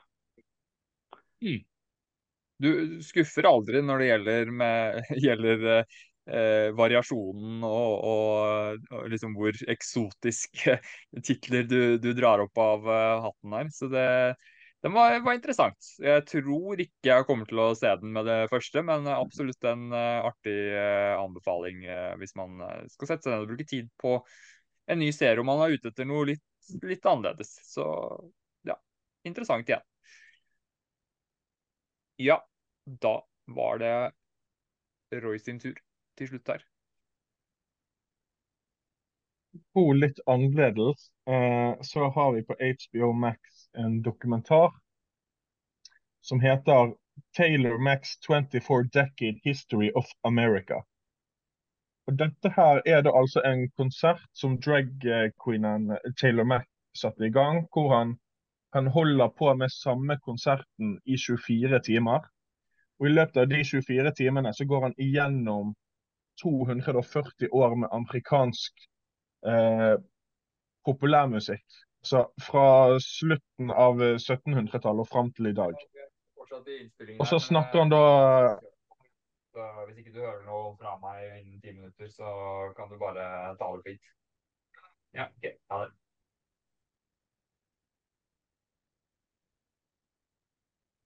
Sorry, jeg fikk en, eh, fikk en telefon igjen her fra, angående transport. Sorry. Uh, Ja, jeg forlater det jeg som jeg hørte. Ja, fortsett det, det, jeg- sa var, var at uh, Taylor Mack en, en eh, drag queen som da har laget et 24 timers lang konsert, eller et maraton, uh, hvor han går igjennom populærmusikk fra de siste 240 årene i Amerika. Så bruker han denne populærmusikken til å ta opp temaer som eh, homofobi, det å tørre å, å, å være seksuell. Hva betydde det f.eks. å være hom homofil un under borgerkrigen? sant? Han tar opp all, alle de temaene mens han går gjennom musikken. og så Nå, nå er det jo så klart et klimaks når han kommer til 90-tallet og, og aids kommer inn i bildet. sant? Men det jeg syns var så sykt kult med denne dokumentaren, er at du får se bits liksom fra, fra hvert tiår. Og så ser du hvor, hvordan han bruker pu publikum eh, gjennom alle de her 24 timene for at, de, for at de skal ikke sitte og se på en konsert, men de skal være med på en opplevelse. Og det, det, Den på en måte innfallsvinkel likte jeg veldig. Og hvis du går på, eh, på IMDb nå og ser på scoren hans, så ser du at det, det er 88 folk som, som har stemt. Sånn at det, det, er nok ikke den mest kjente dokumentaren i, i verden der, men uh, det, det, er en veldig underholdende, lærerik og uh, fin uh, dokumentar å se på hvis du hvis du er interessert i alt fra på sceneunderholdning til på en måte drag queens og de miljøene der, der, der da. Ja, nei, Det var jo annerledes og interessant enn mye av det vi har anbefalt her tidligere i dag og tidligere episoder. Så det var spennende. Spennende anbefaling, absolutt. Og jeg prøver å bli mye flinkere til å se dokumentarer generelt. For jeg, jeg syns egentlig det er veldig gøy. Og jeg kunne egentlig tenke meg til og med prøve å lage noen dokumentarer etter hvert. For jeg er jo egentlig veldig glad i å lage, prøve å lage ting og produsere ting selv. Så da må jeg nok se mer av det først for å skulle kunne bli god til å, å lage det òg. Så kanskje det er uh, neste dokumentaren jeg skal uh, sjekke ut. Så takk for en flott anbefaling til deg også, Roy. jeg skal skyte inn med en sånn siste lille anbefaling sjøl før vi avslutter her. og jeg tenkte at det kunne være passende å begynne å varme opp litt til en film som jeg har nevnt tidligere at jeg gleder meg mer enn jeg kanskje burde gjøre, som heter The Meg 2. Den kommer jo ganske snart med Jason Statham, og jeg har helt fra jeg var liten vært veldig glad i eh, filmer som bruker dyr, eh, sånn, at det skal være farlige dyr. da, Enten om det er slanger eller haier eller, eh, eller fiktive monstre eller hva enn det skal være for noe, så er det en sjanger som jeg liker veldig veldig lett. da. Så den filmen jeg skal nevne nå, er ikke nødvendigvis noe sånn eh, knallgod film, men hvis man liker haifilmer, så er den absolutt verdt å få med seg. Og det er en film som heter The Shallows med Blake Lively, kona til uh, Deadpool, altså Ryan Reynolds, som jeg liksom hadde fått med meg at eksisterte en god stund før jeg så den. Og tenkte en gang at bare sånn, nei, nå må jeg bare sette på den her, det er jo en haifilm, og jeg skylder skylder eh, tolv uh, år gamle Sindre å gi den en sjanse. Og det syns jeg faktisk var skikkelig gøy. En ganske kort film, veldig enkel film som stort sett bare har Eh, Blake Lively der, veldig sånn lettkledd òg, så det er jo ikke noe, ikke noe i veien med det. Uh, og de klarer å lage en veldig sånn spennende uh, sak der, da, med at hun uh, Jeg skal ikke spoile for mye, men det er, et scenario hvor hun rett og slett setter seg selv i en veldig vanskelig situasjon, og det er en hai involvert, og så skal man rett og slett bare se om hun klarer å overleve det, og det klarer de å gjøre veldig, veldig spennende, syns jeg. Og hvis jeg ikke husker feil, så lurer jeg faktisk på om det også var basert på en sann hendelse. Uh, det, ikke ta det for god fisk, men jeg lurer faktisk på om det, om det var det. Uh, uansett en veldig enkel og, og um, kul haifilm uh, med mye nerve. og Blake Lively var veldig flink og fin i, i den filmen. så den anbefales til alle haifilmelskere der ute som en oppvarming før man eventuelt går og ser The Meg 2 på kino. Roy har lyst til å si et eller annet her, og ikke, ikke si noe stygt om uh, haifilmer her nå. Jeg bare googlet filmen mens du snakket om den. da. Uh, og så mm. så jeg det at uh, regissøren til The Shallows samme regissør som har laget bl.a. Jungle Cruise og da Black Adam. Hva vil du skyte det inn? Jeg vet ikke om du mente det der som noe negativt der, eller om det var Nei, altså det, det, For meg så virker jo ikke det som noe sånn voldsomt kvalitetsstempel. da. Vi drev jo nylig og gjorde litt narr av Jungle Cruise her i, eh, i, i, chatten vår. Men uh, ikke la det skremme dere, fordi det er en veldig artig film for sin uh, sjanger. Og jeg har ikke sett Black Adam. Jungle Cruise var definisjonen av uh, middelmodighet, uh, syns jeg.